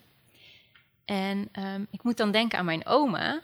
Want die, die was uh, christen en uh, die, die zei, mijn zusje was erg geïnteresseerd in boeddhisme. En zei mijn oma, nou, ja, ja, is dan wel interessant dat jij je daarmee bezighoudt. Maar ja, het is toch wel heel individualistisch, dat boeddhisme. Dat, dat vond ze dan toch maar zo-zo. En ik snap dat wel, omdat ja, als je daarmee begint met die technieken... dan, dan, dan focus je je eerst op wat je zelf voelt... en, en, en, en en probeer je eerst maar eens een wat vriendelijker houding naar jezelf te hebben. Want wij zijn als westerlingen of over het algemeen vrij kritisch en zelfkritisch. En, en daar moet je eigenlijk eerst wat mee. En op het moment dat je dat wat los kan laten, eh, ervaar ik zelf, maar zie ik ook in mijn omgeving, dat mensen dan ook meer compassie of vriendelijkheid voor anderen gaan ervaren. En met name meer verbondenheid. Hoe werkt dat? Um, ik denk dat als je uh, zelf erkent dat, er, um, dat je kwetsbaar bent. En dat je, dat je soms bang bent en dat je, dat je lijdt. En als je dat toe kan staan, die gevoelens, in plaats van ze dus te vermijden. dan ga je dus erkennen dat, dat je die menselijke aspecten hebt. En ga je dat dus denk ik ook meer zien bij andere mensen om je heen. Dat zij dat ook hebben. En dat wij allemaal mens zijn met onze kwetsbaarheden. En dat we heus niet zo uniek zijn. En dat we ons heus niet zo uh, af hoeven te scheiden van een ander. Om succesvol te zijn of om nou ja, bijzonder te zijn. Nou, ja, het leuke in, aan de Kundalini-yoga vind ik van... je vraagt hoe werkt dat? Nou, Kundalini-yoga is, is het zo dat je dat hart letterlijk gaat openen. Dus je gaat echt dat gebied hier openmaken, vrijmaken. Door allerlei oefeningen te doen die er soms best raar uitzien. Maar die werken. Dus je gaat gewoon letterlijk dit gebied, het hart, wat je in verbinding openen. En dat vind ik heel mooi aan de Kundalini-yoga. Dat er een soort letterlijkheid zit van ook van die spreekwoorden. Hè? Je hart openen. En dat doe je bijna letterlijk. En betekent dat ook dat je die verbinding voelt? Want als je zo die filmpjes ziet of, nou, of, foto's, dan zie je toch een rij verzoegende mensen ja, naast elkaar. Ja, de eerste tijd niet hoor. Zonder ik veel niet, contact. Uh, nee, want het was echt wel behoorlijk. Ja, met buikspieroefeningen, hard werken. En het, uh, ik, in eerste instantie die verbinding met jezelf vind ik al zo'n klus. Ja. Jongen, jongen, ja. jongen. en ook nog met anderen verbinden. Maar wat, wat ik wel aardig vind aan hoe, hoe het ook uh, werkt, is um, dat, dat, dat er zou iets mogelijk, iets narcistisch of egocentristisch zitten in dat streven naar verlichting voor jezelf op de een of andere manier. Maar uh, ik heb van de hoogleraar André van der Braak, hoogleraar boeddhistische filosofie, mm. geleerd dat je verlichting in die zin niet als een soort doel moet zien, een individueel doel. Maar verlichting is iets tussen mensen. Um, en dat is in die zin, uh, um, ja, hij kan het zoveel beter. Je moet hem een keer uitnodigen. ja, ik heb het in ieder geval heel netjes opgeschreven. Tot die tijd boek, moeten wij toch even met z'n drie praten. Echt een enorme eye-opener. Dat dat, uh, dat dat niet dat individuele doel is, maar iets tussen mensen. Maar goed, oké. Okay. Volgende vraag. Oh ja. uh, het, het, het, sluit wel aan op, op um, Um, wat jij zelf in jouw verhaal ook vertelde, dat die, de Indiaanse uh, leraar zag of, of, constateerde dat die interesse voor yoga iets te maken had met het egoïsme, het materialisme en het individualisme in de westerse samenleving. En dat het in die zin een soort maatschappijkritische uh, functie zou hebben. Uh, tenminste, zo interpreteerde ik jouw verhaal. Um, er, gebeurt dus niet alleen iets met de individuele beoefenaar, maar er gebeurt iets met de maatschappij als dit ja. op grotere schaal uh, beoefend gaat worden. Dat was trouwens vroeger ook de, de claim van de transcendente meditaties in de jaren zeventig. Als er een x-percentage van de bevolking transcendente medita meditatie zou gaan doen, dan zou de wereld een stuk mooier worden. En je, je kijkt erbij alsof je vindt dat dat niet. ik, ik, kan me niet herinneren dat, dat dat toen gebeurde, maar ik vraag me af hoe, dat, hoe je dat zou moeten denken. Um, Ja, het is in, in zeker. We zitten wel in een soort empathiegolf, denk ik. Dus ook Ramak heeft net een boek geschreven, Empathie. Dus het oefenen van compassie en empathie is wel iets wat we ook zien als iets dus dat je, wat je kennelijk kunt leren en oefenen. En ik denk als meer mensen, ik denk werkelijk dat als meer mensen, uh, voor, misschien moeten we even kijken hoeveel mensen hier doen iets aan yoga, mindfulness of transcendentaal. Of wat wow. Zo. okay, even kijken, wie doet er aan yoga? Het zijn er echt veel. En mindfulness? Wordt ook wel eens gezegd over vissen. Vis is a white working man's meditation. Uh, ja, working class man's meditation. Ja. En de, de reden dat je rustig wordt, uh, zou dan zijn volgens hersenwetenschapper, omdat je een, het narratieve gedeelte van je hersenen tot rust brengt. De, de verhalenverteller. Dus letterlijk die rechter frontale hersenkwap.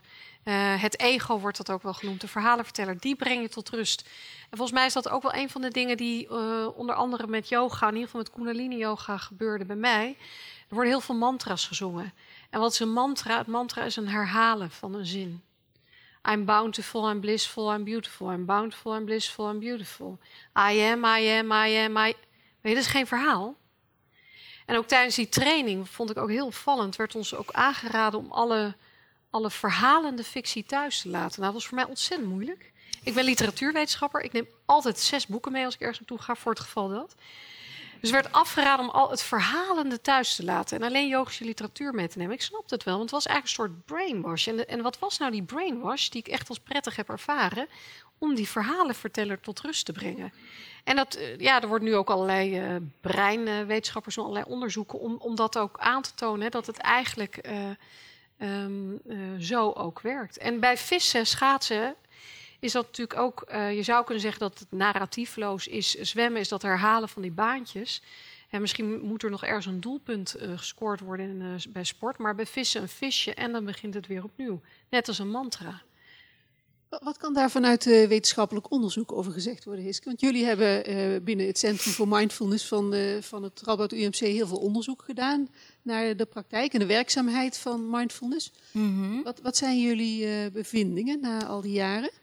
Nou, de belangrijkste bevindingen op dit moment zijn dat um, uh, mindfulness uh, vergelijkbaar effect heeft als antidepressieve medicatie bij mensen die recidiverende depressies hebben. Dus het lijkt echt ja, te beschermen tegen het opnieuw depressief worden. Dus er zijn nu onderzoeken gaande bij ADHD. Hè, die laten zien dat uh, mensen zich beter kunnen concentreren door mindfulness training.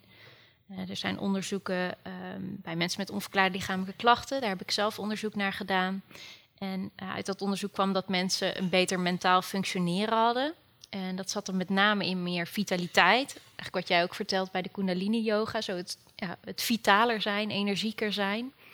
En wat leuk was, is dat zij vermelden ook een beter sociaal functioneren te hebben. Dus ondanks lichamelijke klachten toch meer de dingen doen die je eigenlijk wil doen bij uh, mensen met, uh, met kanker, met borstkanker en longkanker doen we onderzoek. En um, daar zien we een vermindering van angst en depressie door mindfulness training. Dus het, het hield niet de kanker, maar het lijkt wel het proces, het ziekteproces, um, nou ja, ja, makkelijker ja, draagbaar te maken. Dus misschien wel aardig om hier aan toe te voegen is dat uh, nu lijkt het net alsof er inderdaad een soort voor en dan vind je dat superrecept en dan ben je gelukkig.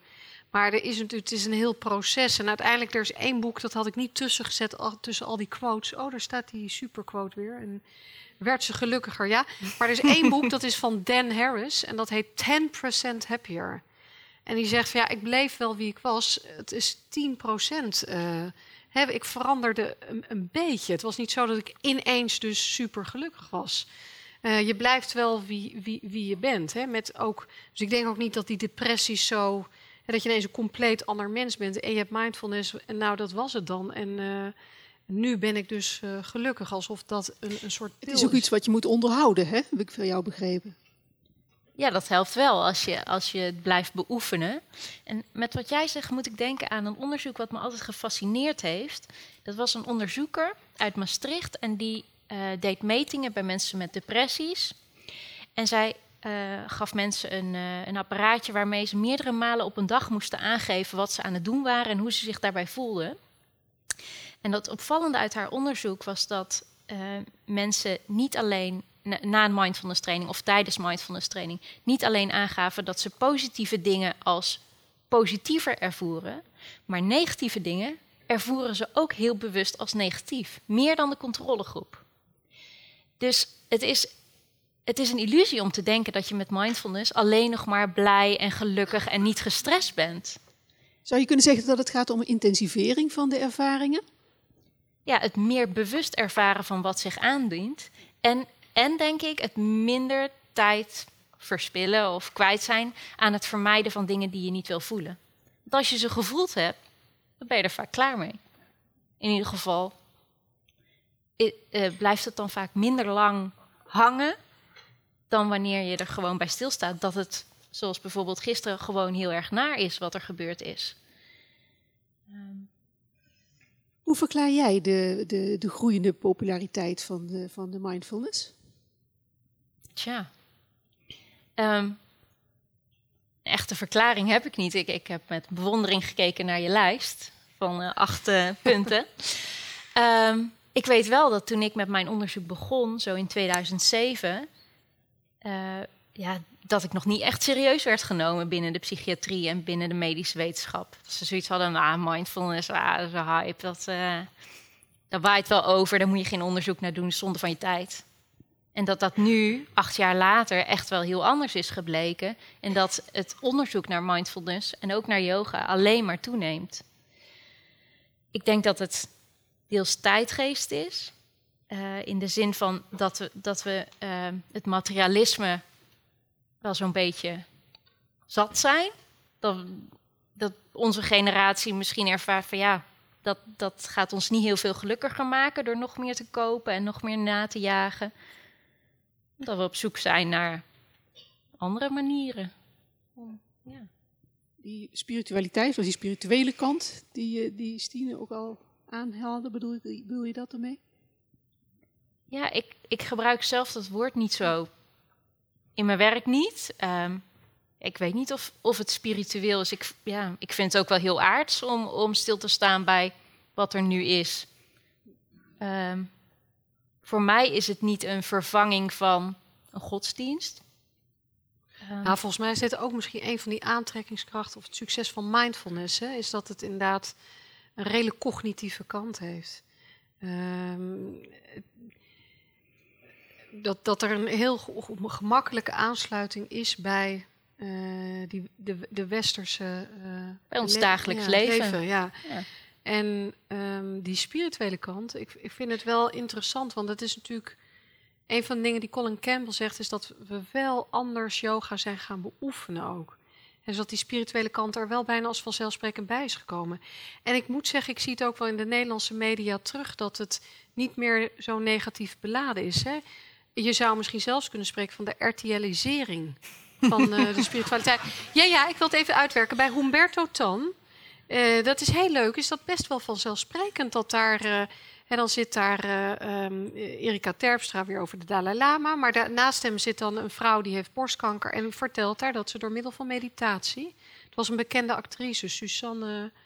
Hè, de, nou, en dat ze door middel van meditatie probeert daarmee om te gaan. En, dat, en dan zit Barbara Barend daar weer naast. Die zegt, ik pink hier een traantje weg. En dus dat is heel... En Humberto Tan kijkt ook heel blij en spiritueel op zoek. Dus het is heel vanzelfsprekend geworden. En dat zie ik bij Pauw nog niet zo gebeuren. Die zie ik dan een wenkbrauw en alle ironie. Maar dus dat is... Dat is wel een heel ander klimaat, een heel ander... En, en, en, en Wilbo ook als die zo prachtig dan, Chinees meditatiedans deed. Dat was wel bij Pauw. En toen lachte Pauw ook even niet ironisch. He, want die man had... Uh, ja, die, dat was maar ik hoor toch ook wel enig scepticisme bij jou. Ik bedoel, dit is, uh, maar dat is hapklaar gemaakt nou, allemaal. weet je, ik, uh, dat komt natuurlijk... Ik heb natuurlijk wel... Ik ben natuurlijk gewoon behept met ironie van, van door, gewoon door de cultuur waarin ik ben grootgebracht, de Scandinavische. Met, met, met een gebrek aan zelfironie overleef je gewoon niet in die kunde. Nee, maar dat, dat, heb ik, dat realiseer ik me ook wel. Maar als het er echt op aankomt, dit is ook een manier om, om het te vertellen, om ook een brug te slaan naar een publiek wat wel sceptisch is. Maar als je mij face-to-face vraagt van hoe sta je erin, dan zeg ik met, bij mijn heel, in heel mijn hart zeg ik, ik ben volkomen getransformeerd en ik vind het geweldig. Dan is er geen, dan is er geen enkele ironie, maar om, voor, voor het publiek is er natuurlijk altijd die, die een performance brengt toch altijd zo'n element van ironie met zich mee. Ja. Wij begrijpen het. Ja. ja. Kun jij nog eens wat uh, nader ingaan, uh, Stine, op de verhouding van jouw filosoof zijn en je interesse voor, voor, voor die yoga en mindfulness? Um, je vertelde zelf ook, je bent natuurlijk als filosoof altijd bezig met, met het denken en met je gedachten. En je, je, veel filosofen zeggen dat je je gedachten bent zo'n beetje. En alles wat jij in, in, in yoga en mindfulness tegenkomt, is eigenlijk het proberen daarvan af te zien op in zekere zin. Of dat op een andere manier vorm te geven. Of hoe zou je dat zeggen? Hoe... Nou, het, um, het is niet het ophouden met te denken. Hè? Want dan, dan ben je eigenlijk dood als je niet meer denkt.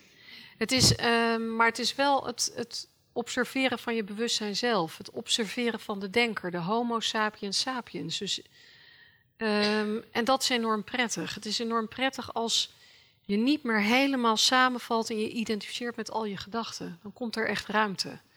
Want ik heb mijzelf wel allerlei ismen genoemd. Ik heb mezelf feminist genoemd. Ik heb weet ik veel wat. En het is enorm prettig als je jezelf toestaat om, om die gedachten te observeren. En ook uh, de, de, manier waarop je daarmee identificeert. Dat is wat yoga mij ook brengt. Er ontstaat er wel een soort ruimte. Juist echt een soort ruimte voor reflectie en relativering. En Ehm, ja, dat. Het lijkt, het lijkt me belangrijk dat je, ehm, als je die combinatie wil maken van filosoof zijn en geïnteresseerd zijn in yoga, dat je de waarde van het denken, dat die, dat die eh, Nou, buiten kijk, ik, kan natuurlijk wel zeggen, kijk, toen ik begon aan die opleiding, ik beschrijf, dat ook in, in, in mijn boek, wat, wat, wat gaat verschijnen toen ik daaraan begon. Ik was echt enorm sceptisch. Komt een guru voor je neus zitten met een tulband. En ik wilde ook helemaal niet zo sceptisch zijn, want ik wilde eigenlijk gewoon wel wat dingen veranderen. Maar ik, ik kon daar natuurlijk ook niet zomaar van af. En, en het is wel zo dat goeroes gaan vaak zitten en die praten in de vorm van, van antwoorden. En die, eh, die praten in de vorm van eh, levensadviezen. Die praten niet in de vorm van vraagtekens en twijfels. En, eh, en dus ik heb die eerste twee weekenden heb ik echt liggen overgeven van je welste. Ik heb zo'n hoofdpijn gehad, ik heb zo moeten overgeven. Letterlijk. Toen, eh, ja, letterlijk, gewoon letterlijk. Ik denk, nou, dat gaat helemaal niet lekker zo met die opleiding. En eh, knap ik hier wel van op. Dus ik denk, ik ga toch eens vragen aan die guru. Van ja, ik ben zo aan het overgeven, die hoofdpijn. En eh, dat heeft misschien ook wel met dat sceptische te maken. En toen zei hij ook van ja, hoofdpijn, weet je wat hoofdpijn is? En dan komt er echt zo'n zo'n guru-antwoord. dan komt er niet van ga even een paracetamol naar. Dan gaat zo'n guru gaat er voor je neus. Het is heel indrukwekkend, is dat dan. En die zegt dan hoofdpijn is het conflicteren van twee gedachten. De eerste gedachte is de gedachte van de ziel. Maar de tweede gedachte gaat daarmee in gesprek. Die tweede gedachte bezorgt je hoofdpijn. Geef je over, letterlijk. Overgave, dus overgeven en overgave.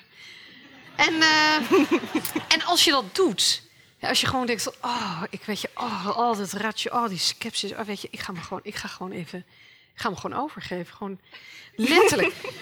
en dat, daar knap je dus zo van op. dat is echt heel lekker om te doen. Maar op een gegeven moment kom je toch weer terug bij de rationeel denkende mens die je bent. Nee, want je denkt, nee, je denkt is- Nee, die is er wel. Maar die is wel, als je denken een temperatuur zou kunnen geven, denk ik wel dat ik warmer ben gaan denken. Doordat dat hart er meer bij betrokken is. Ja, klink ik echt als ik echt enorm, als jullie dit niet meer dan. maar, maar dat denk ik echt. Hè? Als, je, als je denken een lichaamstemperatuur zou ge- kunnen geven, is het, is het minder kil geworden. En, eh, hoe, hoe ziet het eruit? Minder kil denken? Ehm, nou, met, met, eh, ja, ik denk, ja, met, nou, met meer compassie onder andere. En, en ook eh, dat niet de eerste reflex is, ja maar. Dus bij elke lezing, hè, dan had ik wel, zat ik wel altijd van, eh, ja maar. En dan een lange intelligente vraag. Maar dat je eerst denkt, van, dat je eerst meegaat in die beweging. Dus was, ik, ik heb ooit gehoord van, van, een, van een vrouw die ehm, moest altijd met allemaal mannen, zat ze in panels. En dat waren van die mannen, mannen. En, en dan zat ze daar en dan dacht ze, ja, weet je, als ik steeds in die ja-maar-modus gehangen op deze manier, dat werkt dus niet. Dan ben ik steeds in gevecht met die mannen. Toen heeft ze iets heel nieuws bedacht. Natuurlijk na het beoefenen van yoga en mindfulness. En als er dan weer zo'n man was die, die haar begon aan te vallen, dan zei ze eerst heel lang en rustig, zei ze, ja, ja. en dan begon ze haar verhaal. Dus wat ze deed, en dat is eigenlijk helemaal volgens de, dat is Heel leuk, dat is volgens de Oosterse vechttechniek, hè? Dus je buigt Nee. helemaal mee. Helemaal, en die ander denkt zo, nou, binnen aan de. En, en dan ga je je eigen verhaal. eh, ja. Dus dat, Correspondeert dat met wat je in mindfulness leert? Ja.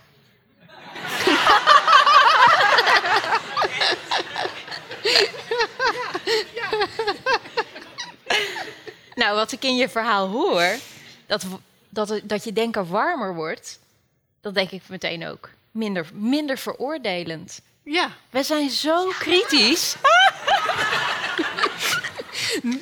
Die wel heel positief allemaal. Ik had een veel kortere titel eh, voor dat hele. Ja. Ja, maar met ons, met ons denken, ons fantastische denkvermogen, zijn we ook zo kritisch en zo bezig met oplossingen. Als iets onprettig is, dan willen we het oplossen. En zo zetten we onze geest in. En dat, dat, zijn we ook met, dat doen we ook met gevoelens. Dat werkt helemaal niet. Ehm, je hebt in, in een voorgesprek verteld dat ehm, die mindfulness techniek, dat je die niet alleen, eh, dat je niet alleen de toepassing in de, in de gezondheidszorg kent, maar bijvoorbeeld ook in het gevangeniswezen. Ja. Ehm, we hebben collega's van het Centrum voor Mindfulness die ehm, in verschillende gevangenissen in Nederland uh, mindfulness training geven. En dat is aan mensen die kort gestraft zijn, een paar maanden, maar ook mensen die eh, twintig jaar in de gevangenis zitten. En ze vertellen dat, dat dat heel bijzondere bijeenkomsten zijn. En dat daar ook mannen komen die aan niks deelnemen, die, die, die alles weigeren. Uh, maar die dan toch graag naar die bijeenkomsten komen. En uh, ze hebben ook wat onderzoek gedaan naar de effecten van de training. En uit die eerste resultaten bij ongeveer 50 deelnemers blijkt dat, uh, dat ze minder last hebben van angst en depressie. Komt natuurlijk heel veel voor in de gevangenis. Um, minder agressief. En dat, ze zich, dat de factor common humanity flink gestegen was. Dus Wat is dat? Het, het, je verbonden voelen met elkaar. Ja, als je iets wil, denk ik, bij gevangenen, is, is meer verbondenheid voelen. Want op het moment dat je je verbonden voelt, is de neiging om een ander te kwetsen veel minder. En kennelijk willen ze dat zelf dus ook. Blijkbaar, is het, blijkbaar is het aantrekkelijk. Uh, want in de gevangenis verbaast men zich erover dat deze mannen terug blijven komen. Terwijl bij andere trainingen en ja, is dat vaak niet zo of met tegenzin. Maar... Ja, dus je ziet feitelijk dat, dat, die, dat de techniek toegepast wordt in allerlei settingen. Ja. ja ook ADHD is ook een, een, een, een aandoening waarbij mindfulness uh, werkt. Of... Ja, dat, dat, wordt nu onderzocht op diverse plekken. Uh, maar de, ja, wat we er tot nu toe van zien is dat het in ieder geval haalbaar is voor mensen met ADHD om te leren mediteren. En dat mensen aangeven dat ze zich daar prettig bij voelen. Wat ik me afvraag, als je nadenkt over die mindfulness bij gevangenen of bij uh, mensen met ADHD. Um, je bent dan heel erg bezig met, het, met individuen die proberen te leven in de situatie waarin ze geplaatst zijn. Um, je zou kunnen denken, moet er misschien aan die situatie niet iets veranderen? Wij hadden uh, Damian Denies, hè, die zomergast was, die was uh, vorige week hier te gast bij uh, Radboud Reflex. Die had het ook over ADHD in een ander verband. En die zei, ja, ADHD is gewoon een uiting van een overspannen maatschappij. Met overspannen verwachtingen, met veel te grote druk op kinderen met name, die allerlei dingen moeten doen waar ze feitelijk niet, niet, niet aan toe zijn. De druk is te groot, er moet dus iets veranderen om die ADHD uit de maatschappij te krijgen. Is niet het risico van die toepassing van mindfulness dat je eigenlijk te weinig inzet op, op verandering van structuren? Mm, daar ben ik niet zo bang voor. Omdat het, omdat het vooral ook meer bewustzijn geeft van wat oké is en wat niet. En dat het dus ook grenzen duidelijker kan maken. Van oké, dit, dit is voor mij niet oké om zo te werken of om zo te leven. En je ziet dat mensen uh, aanpassingen in hun eigen leven gaan maken. Dat ze bijvoorbeeld kiezen voor andere werktijden of een andere omgeving. Maar dat ze ook duidelijker worden in het aangeven van grenzen naar anderen. Dit is niet oké zoals je mij behandelt. Of naar een werkgever van zo, zo kan ik hier dus niet functioneren. Ja, je hoort natuurlijk ook wel eens van, van dat uh, ironische Mac mindfulness. Van dan gaan we mindfulness introduceren, grote bedrijven, om die productiviteit eigenlijk weer omhoog te halen. Maar ik denk uiteindelijk ben ik, ben ik het hier erg mee eens dat uh, doe maar yoga ja. mindfulness. Want uiteindelijk verander je daarmee ook structuur. Is het ook een manier of een weg om die structuren te veranderen? Alleen begin je aan de andere kant. Ja. ja. We gaan uh, langzamerhand de zaal inkijken en eens kijken wie zich in het gesprek wil mengen. Um, ik nodig jullie uit om uh, kort vragen of opmerkingen te maken en even te wachten tot de microfoon bij jullie is. Dan kan iedereen meeluisteren. Um, Paul komt daar met de microfoon, meneer daarachter. Um, nou, ten eerste bedankt voor de lezing, maar. Ja. Ik zei het en ik dacht eraan, maar ik heb zelf mindfulness geprobeerd en ik, zelfs dat vind ik persoonlijk nogal zweverig. En ik heb toch het gevoel dat je, als je die kant op zet, dat je toch weer een stap terug zet richting religie, um, spiritualiteit. En is het niet je zet de knop zo om om bezig te zijn met dat moment en zo, maar je lost, naar mijn persoonlijke mening, niks op. En dat is hetgene dat voor mij nog steeds altijd stress op heeft geleverd. Want het deed voor mij helemaal niks. En ik ben ontzettend stressvol iemand. Ik ben behoorlijk angstig als ik het zo erin, op, erin mag gooien. Maar het heeft mij persoonlijk nooit geholpen. En het ziet er heel erg nog steeds voor mij zweverig uit. Ik kan, ik kan ook echt niet meedoen als er zo'n een grote groep is. En, ehm, is het niet, ja, een beetje, niet uit, ehm, veel beter om toch daadwerkelijk op te lossen en te kijken naar echte oplossingen, als ik het zo mag zeggen, in plaats van weer Weet je, ik het zie zijn- ook ja. wel dat er structuurfouten zijn en al dat soort dingen. Ja. Maar kunnen we dan niet beter met, beter met z'n allen daarover nadenken en daaraan werken in plaats van naar mindfulness, yoga. Ja. Weet je, ik denk niet dat voor iedereen mindfulness een of de oplossing is. En voor iedereen yoga. Er zijn ook veertig vormen van yoga. Er zijn mensen die vinden Kundalini yoga verschrikkelijk. Ehm, eh, eh, André van der Braak, die ik al eerder noemde, die zei zeg maar een transformatie waarbij je zelf probeert van stress achteraf te komen. Dat is eigenlijk een open hart operatie. En de vraag is, wie is de juiste chirurg voor jou? En wat is de juiste chirurg voor jouw probleem? En dat hoeft voor jou misschien helemaal niet te liggen in die yoga en mindfulness. Eh, het kan ook vissen, schaatsen of hockeyen zijn. Dus in die zin gaat het er ook om. ehm, is het niet mijn bedoeling om dit als het recept voor de. zo heeft Yogi Bhajan het wel gebracht. Hè, dat Kundalini eh, kan helpen bij de genezing van bepaalde problemen in het Westen. Die leiden tot stress en dat soort dingen. Maar het is niet gezegd dat, dat hij de juiste leraar voor jou is. Of mindfulness. Dus ik zou zeggen, wel, ja, ik zou zeggen, ga, door tot je die. Want eh, het is wel fijn om minder gestrest te zijn. Maar ja, misschien. Maar we hebben hier een psychiater, jemig.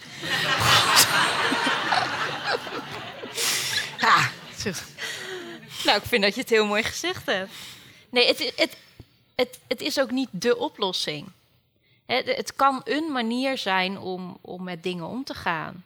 Maar er zijn heel veel manieren om met dingen om te gaan. En ja, het, het is een zoektocht naar wat bij je past. En, en ik denk dat als het niet bij je past, dat je jezelf ook echt niet moet gaan lopen forceren. Hè, want dat, dat, dat, dat helpt Hey, en, niet. en een pilletje Ritalin, wat zeg jij daarvan? In het algemeen? Ja, of ja, weet je. ja. Ja. Nou, in het algemeen vind ik daar heel moeilijk iets over te zeggen. Ik denk dat er mensen zijn die er ontzettend bij geholpen zijn. En het- het- voor sommige mensen kan het echt hun leven veranderen. Maar er zijn ook mensen die het gebruiken op het moment dat ik denk, ja, heb je dat wel echt nodig en kun je niet beter wat anders doen? Dus dat is echt, ja. Het kan een combinatie zijn van van alles. Eh, hier vooraan, momentje, dan komt de microfoon. Ja, ik doe eh, zelf zo'n 2,5 jaar eh, yoga en meditatie elke dag, zo'n anderhalf uur. En ik was hier vorige week bij eh, Damien Denise en ik heb dan zelf eh, schizofrenie. En ik vroeg hem van, eh, kan je daarvan genezen door middel van yoga en meditatie? En hij zei best wel overtuigend ja. Dus eh, hoe denken jullie erover? Laat eerst eens wat op zeggen. En dan durf ik natuurlijk geen nee te zeggen. ik, ik denk dat het een hele mooie manier kan zijn om om te gaan met hele lastige dingen. Zelfs met klachten als een psychose.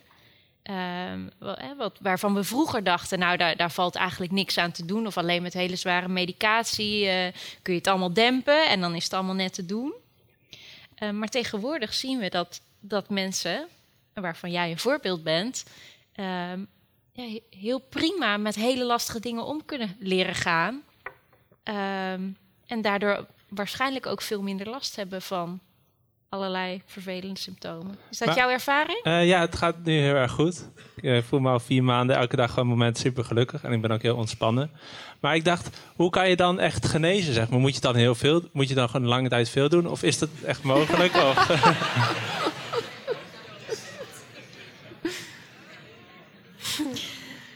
Ja, wat is genezen? Ehm, ik, kan me voorstellen dat je zou willen dat, dat bepaalde klachten nooit terugkomen. Maar ja, dat kan je met mindfulness en yoga volgens mij niet beloven. Goed, we gaan eh, kijken wie. Ja. Daar komt Tom met de microfoon. Hoi, eh, mijn naam is Gina. Ehm, ik ben zelf geneeskundestudent.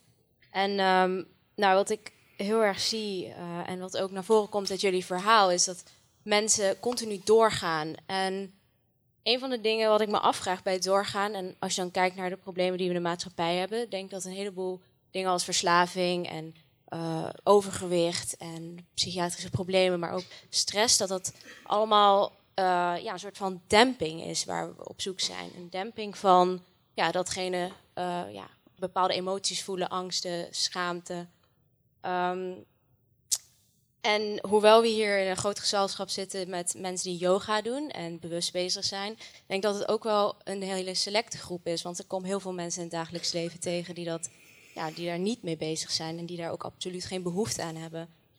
En mijn vraag daarbij is eigenlijk, op het moment dat je er iets mee doet en dat je het dus ook daadwerkelijk voelt, dan moet je er eigenlijk ook iets mee doen. Of dat nou acceptatie is of iets, een probleem oplossen. Um, en is dat misschien hetgene ook waar heel veel mensen het ja, tegen het hoofd aanstoot van dan moet je er ook daadwerkelijk iets mee doen. Hoe denken jullie daarover? Lange inleiding. Het gaat over onlustgevoelens, hoe je daar, bedoel je dat? Ja, dus de beheft, behoefte aan demping ja. die we hebben in de maatschappij eigenlijk. En dat we dan, als we die emoties daadwerkelijk voelen, ja. dat we er ook iets mee moeten doen. Nou, tijdens het eten hadden we daar, eh, voordat we hier naartoe gingen, hadden we het daar nog over. Van goh, af en toe verschijnen er van die hele kritische stukken in de krant of uh, elders over, over mindfulness en yoga. En waar komt dat nou precies vandaan? En toen kwamen we wel zo'n beetje tot de conclusie van, nou, vaak zijn het mensen die het niet kennen. En die dan zeggen, ja, dat, het is niks. Het, uh, allemaal zweverig of dat moet je niet doen. Um, en en, en ik denk dat het inderdaad, zoals je suggereert, te maken heeft met ook een bepaald soort angst van, oh, oh, maar, maar al die dingen die ik prettig vind en die ik doe, misschien wel omdat ik bepaalde dingen niet wil voelen, moet ik die dan loslaten? Dus ja, dat er een bepaald soort weerstand is tegen stilstaan, vind ik heel begrijpelijk. Ja, wat, wat, uh, wat mij ook wel trof in je, je vraag, was dat je begon met dat het altijd maar doorgaan. Hè? En dan ook als je dus een probleem hebt, of je nu angstig bent of schizofreen bent, dat je er dus ook iets aan moet doen. Want er is zoveel. En je kan een cursus hier doen, en je kan daar, en je kan yoga mindfulness doen. Heb je dat al geprobeerd? Dus dat, dat daar ook weer een soort, weer ook een soort druk ligt van je kan en je moet jezelf veranderen en verbeteren, want het is mogelijk. Dus toch een soort maakbaarheidsoptimisme in die zin. Terwijl die filosofieën er juist dan weer heel erg ook weer van uitgaan dat je het moet loslaten. Het moet, je moet het loslaten. Weer zo'n opdracht. en dat dat natuurlijk. Uh, ik denk een van de succes van bijvoorbeeld zo'n blad als Flow is dat het alleen maar zit van ga, dat zit hem heel erg in ga op je luie gat zitten, ga genieten, ga liggen, ga ontspannen, doe niks. Dat we dat best lekker vinden om te horen tegenover dat door die dat doorgaans. Al dat moeten. Dat moeten en moeten doorgaan en moeten oplossen. Dankjewel. Uh, achterin gaat die.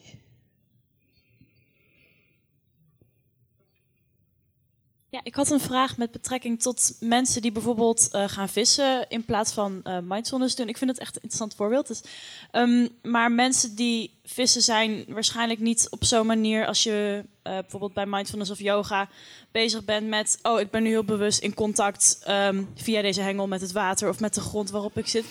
Maar um, hoe, hoe zouden jullie dat dan duiden? Op een, is een serieuze vraag. ja, ja. ja. Op welke manier um, kunnen misschien mensen uh, die bijvoorbeeld aan het vissen zijn of hockeyen of op een andere manier toch een soort van bewustheid daarin creëren? Kunnen we mindful vissen en mindful hockeyen? En...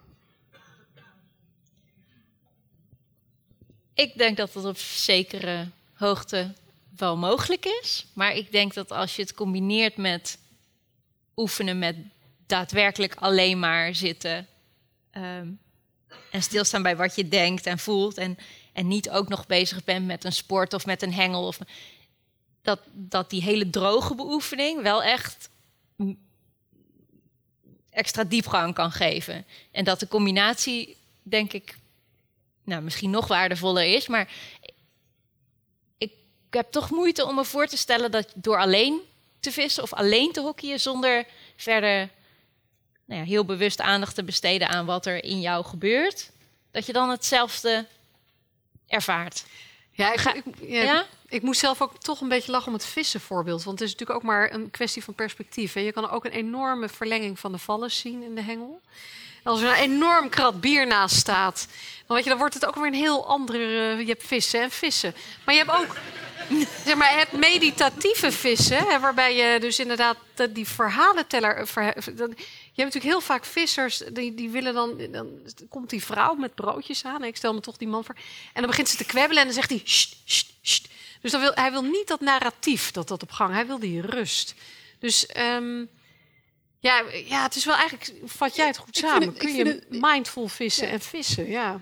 En uiteindelijk denk ik, eh, is het ook interessant om te bedenken welke andere vormen er waren voordat wij die Oosterse te- technieken naar hier haalden. Inderdaad, wij visten, eh, wij baden misschien, of we mediteerden op een andere manier. Misschien heeft elke tijd toch wel zijn eigen manier om stil te staan bij de dingen, Ja. om aandacht te hebben eh, bij de dingen. Dat is natuurlijk niet iets exclusiefs van de laatste tien Nee, jaar. maar, maar de tijd is toch wel anders met al die apparaten en digitalisering.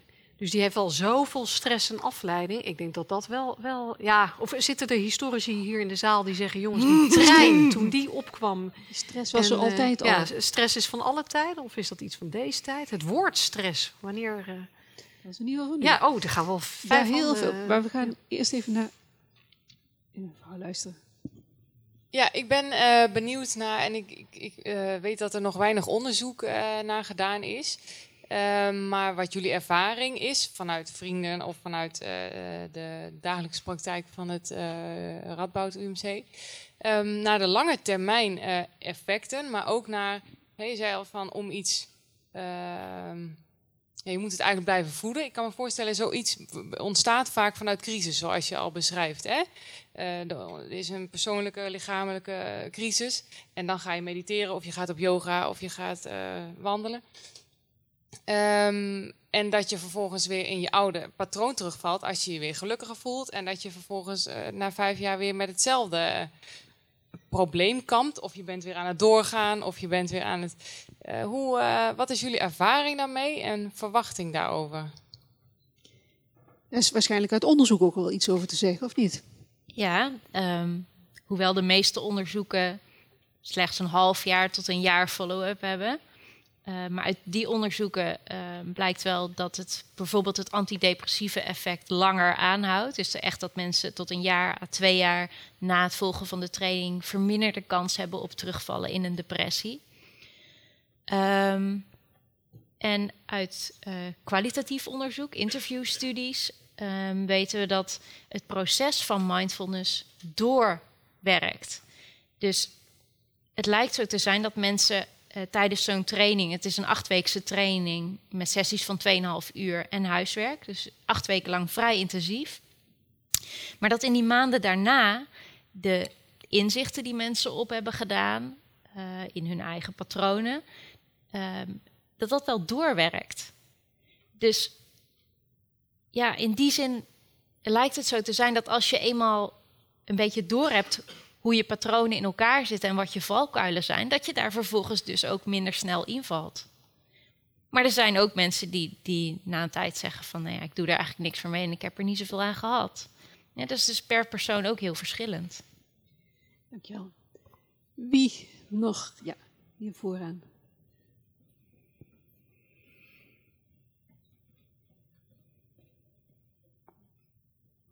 Eh, nou ja, ik vraag me af, want eh, mindfulness met de drie golven dan verandert. Maar met de huidige commercia- commercialisering, eh, wordt het dan niet eerder een nieuw product? Is de kans daarop niet heel groot? In plaats van dat de originele mindfulness intact blijft. Commercialisering, kan dat mindfulness aantasten? Helaas wel. En Er zijn al wel praktijken bekend van eh, mindfulness trainers die eh, eigenlijk helemaal niet goed opgeleid zijn. En die dan toch voor veel geld een training aanbieden. Ja, het, is, uh, het is relatief makkelijk geld verdienen misschien. Eh, dus dat is een risico. Ja, of mensen die ja, als trainer misbruik maken van hun positie en met kwetsbare mensen werken en daar eh, ja, gewoon niet het juiste werk verrichten. Eh, dus ja, die risico's die zijn er wel. Ja, dus je moet oppassen met wie je in zee gaat. Ja. ja. Oké, okay, mevrouw hiervoor.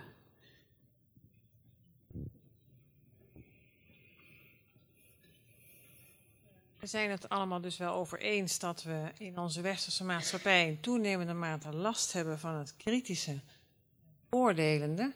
Mijn vraag is, um, bent u in uw zoektocht, historisch of sociologisch, tegengekomen hoe komt het nou dat onze westerse maatschappij zo kritisch en oordelend is? Um, nou ja, één, ik, ik heb er een filosofisch, uh, een, een, filosofisch antwoord erop is mogelijk. Uh, de, zou je bij Descartes kunnen leggen. Waar het, de rationalisering van het mensbeeld in zekere zin is begonnen met het centraal stellen van het denken als het centrum van uh, de mens. Ik denk, dus ik ben. Cogito ergo sum. Het wordt, dat wordt vaak ook als het startpunt van het dualistische denken gezien. Het enige waaraan ik kan twijfelen is dat ik twijfel cogito ergo sum. En dus waarbij we ook dit gebied um, heel belangrijk zijn. Hè. Er is natuurlijk wel allerlei, dat heb ik ook al aangegeven. Hè. De westerse traditie heeft natuurlijk ook allerlei kanttekeningen bij geplaatst. Onder andere de romantiek met de hoofdletter R. Hè. Hoezo de mens denkt. De mens is een gevoelswezen, vol passies en driften. Uh, later postmodernisme, deconstructivisme. Maar ik denk dat wel in die 16e, 17e eeuw met, daar een basis is gelegd voor het sceptische denken en het kritische rationalisme.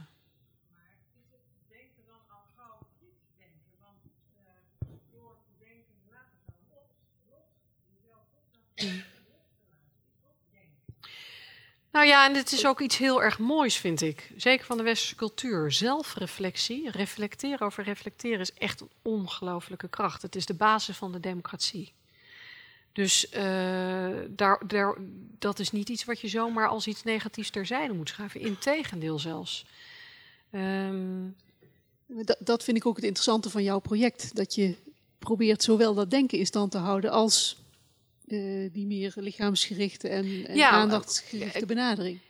In, in zekere zin, um, er, er, is een mooie studie van Hans van Stralen uh, over bekeringen. En hij zegt, uh, bekeringen worden heel vaak sociologisch geduid. Mensen waren arm en zochten hun toevlucht bij een guru die ze iets kon bieden. Of ze worden psychologisch geduid. Iemand had een crisis en zocht hulp en werd beter. En hij zegt, je moet zo'n proces misschien ook wel linguistisch zien. Je betreedt een ander taalspel. Dus wat er gebeurt is dat je uh, eigenlijk, het is een proces. Je krijgt ineens allerlei woorden uh, komen in, in, in, uh, op jou, in je leven. voor een Kundalini yoga is dat dat je de hele dag hoort keep up, keep up, keep up. Of je hoort sat nam, ik ben de waarheid. Nou, de waarheid is mijn identiteit. Um, het betekent niet dat je je andere taalspel, namelijk dat van, van, van de wetenschap, waar ik ook uit voorkom, helemaal verlaat. Je kunt best in meerdere taalspelen tegelijkertijd wonen en zijn en deel aan hebben. En heel soms conflicteren die elkaar, maar mensen kunnen vaak prima, en dat kon eh, Einstein ook al, hè, je kan geloven en een briljante wetenschapper zijn. Dus het hoeft elkaar niet altijd uit te sluiten om, om deel te hebben aan meerdere taalspelen. Ik weet niet of dat een antwoord. Eh, oh, het is in ieder geval antwoord op jouw vraag misschien. Maar ik weet nog steeds niet of ik zeg maar, de oplossing heb gegeven van waar komt dit nou toch vandaan. Uh, ja. Er is uh, ruimte voor één hele korte laatste vraag en die is voor Liedeke. Dankjewel. Uh, in Amerika is september National Yoga Month. Uh, gesponsord door het Department of Health and Human uh, Resources. ik vroeg me af hoe jullie daar naar kijken en of jullie daar ook iets zien voor Nederland. nou ja, ik wil nog wel een stapje verder gaan. In, in Groot-Brittannië, dichter bij huis, hebben ze een maand van de mindfulness. waarom? Omdat ze ontdekt hadden dat de, de Britten de boosste mensen van Europa waren. Nou goed, dit is ook maar een onderzoek uitgevoerd door uh, wel een instituut voor mindfulness. Weet je, nou goed, fijn. Maar ik zou dus nog wel een stapje willen verder gaan. En waarom niet een keer een staatssecretaris voor. Uh, Yoga-zaken? Filosofie, yoga en uh, mindfulness. Een keer, omdat dat op scholen is echt een keer. In, in India hebben ze nu immers die minister van yoga. En die heeft de United Nations uh, toegesproken. En zegt: het is een puinhoop op de wereld. Er wordt gevochten in het Midden-Oosten. Er is niet helemaal, Unite gebeurt helemaal niet. Uh, en deze minister van Yoga heeft de United Nations aangesproken en gezegd: uh, laten we iets doen met z'n allen. Laten we kijken of je empathie kunt bevorderen en of we iets in de wereld kunnen veranderen. Ja, misschien kunnen we in Nederland. Ik bedoel, er was een nationale brainstorm waarin mensen vragen om uh, hierom. Nou, dus staatssecretaris voor yoga, filosofie en mindfulness. Hiske, kan jij daar nog overheen? Nog iets groters, mooiers? Nou, maar we kunnen ook gewoon beginnen met de week van hoor. De, de week van. Uh, maar weet je, we hebben een week van de thriller, een maand van de filosofie, een maand van de. Dat kan er wel bij. Dat kan er wel bij. En in Nederland is de Tweede Kamer aangeboden om mindfulness training te volgen. En een heel aantal Kamerleden heeft dat al gedaan. Daar is geen groot uh, nieuws van gemaakt. Je kunt het op internet ook nergens vinden, maar het is wel gebeurd. We eindigen, we eindigen met een hoopvolle mededeling. Er is hoop. Ik uh, wil de avond gaan besluiten met uh, heel hartelijk dank te zeggen. Allereerst aan Stine Jensen. Uh,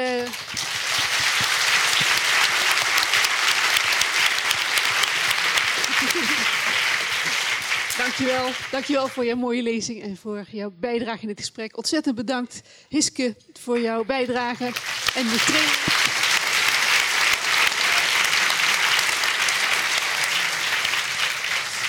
En jullie allemaal ontzettend bedankt voor jullie aanwezigheid en betrokkenheid bij het gesprek. En graag tot ziens bij Radboud Reflect.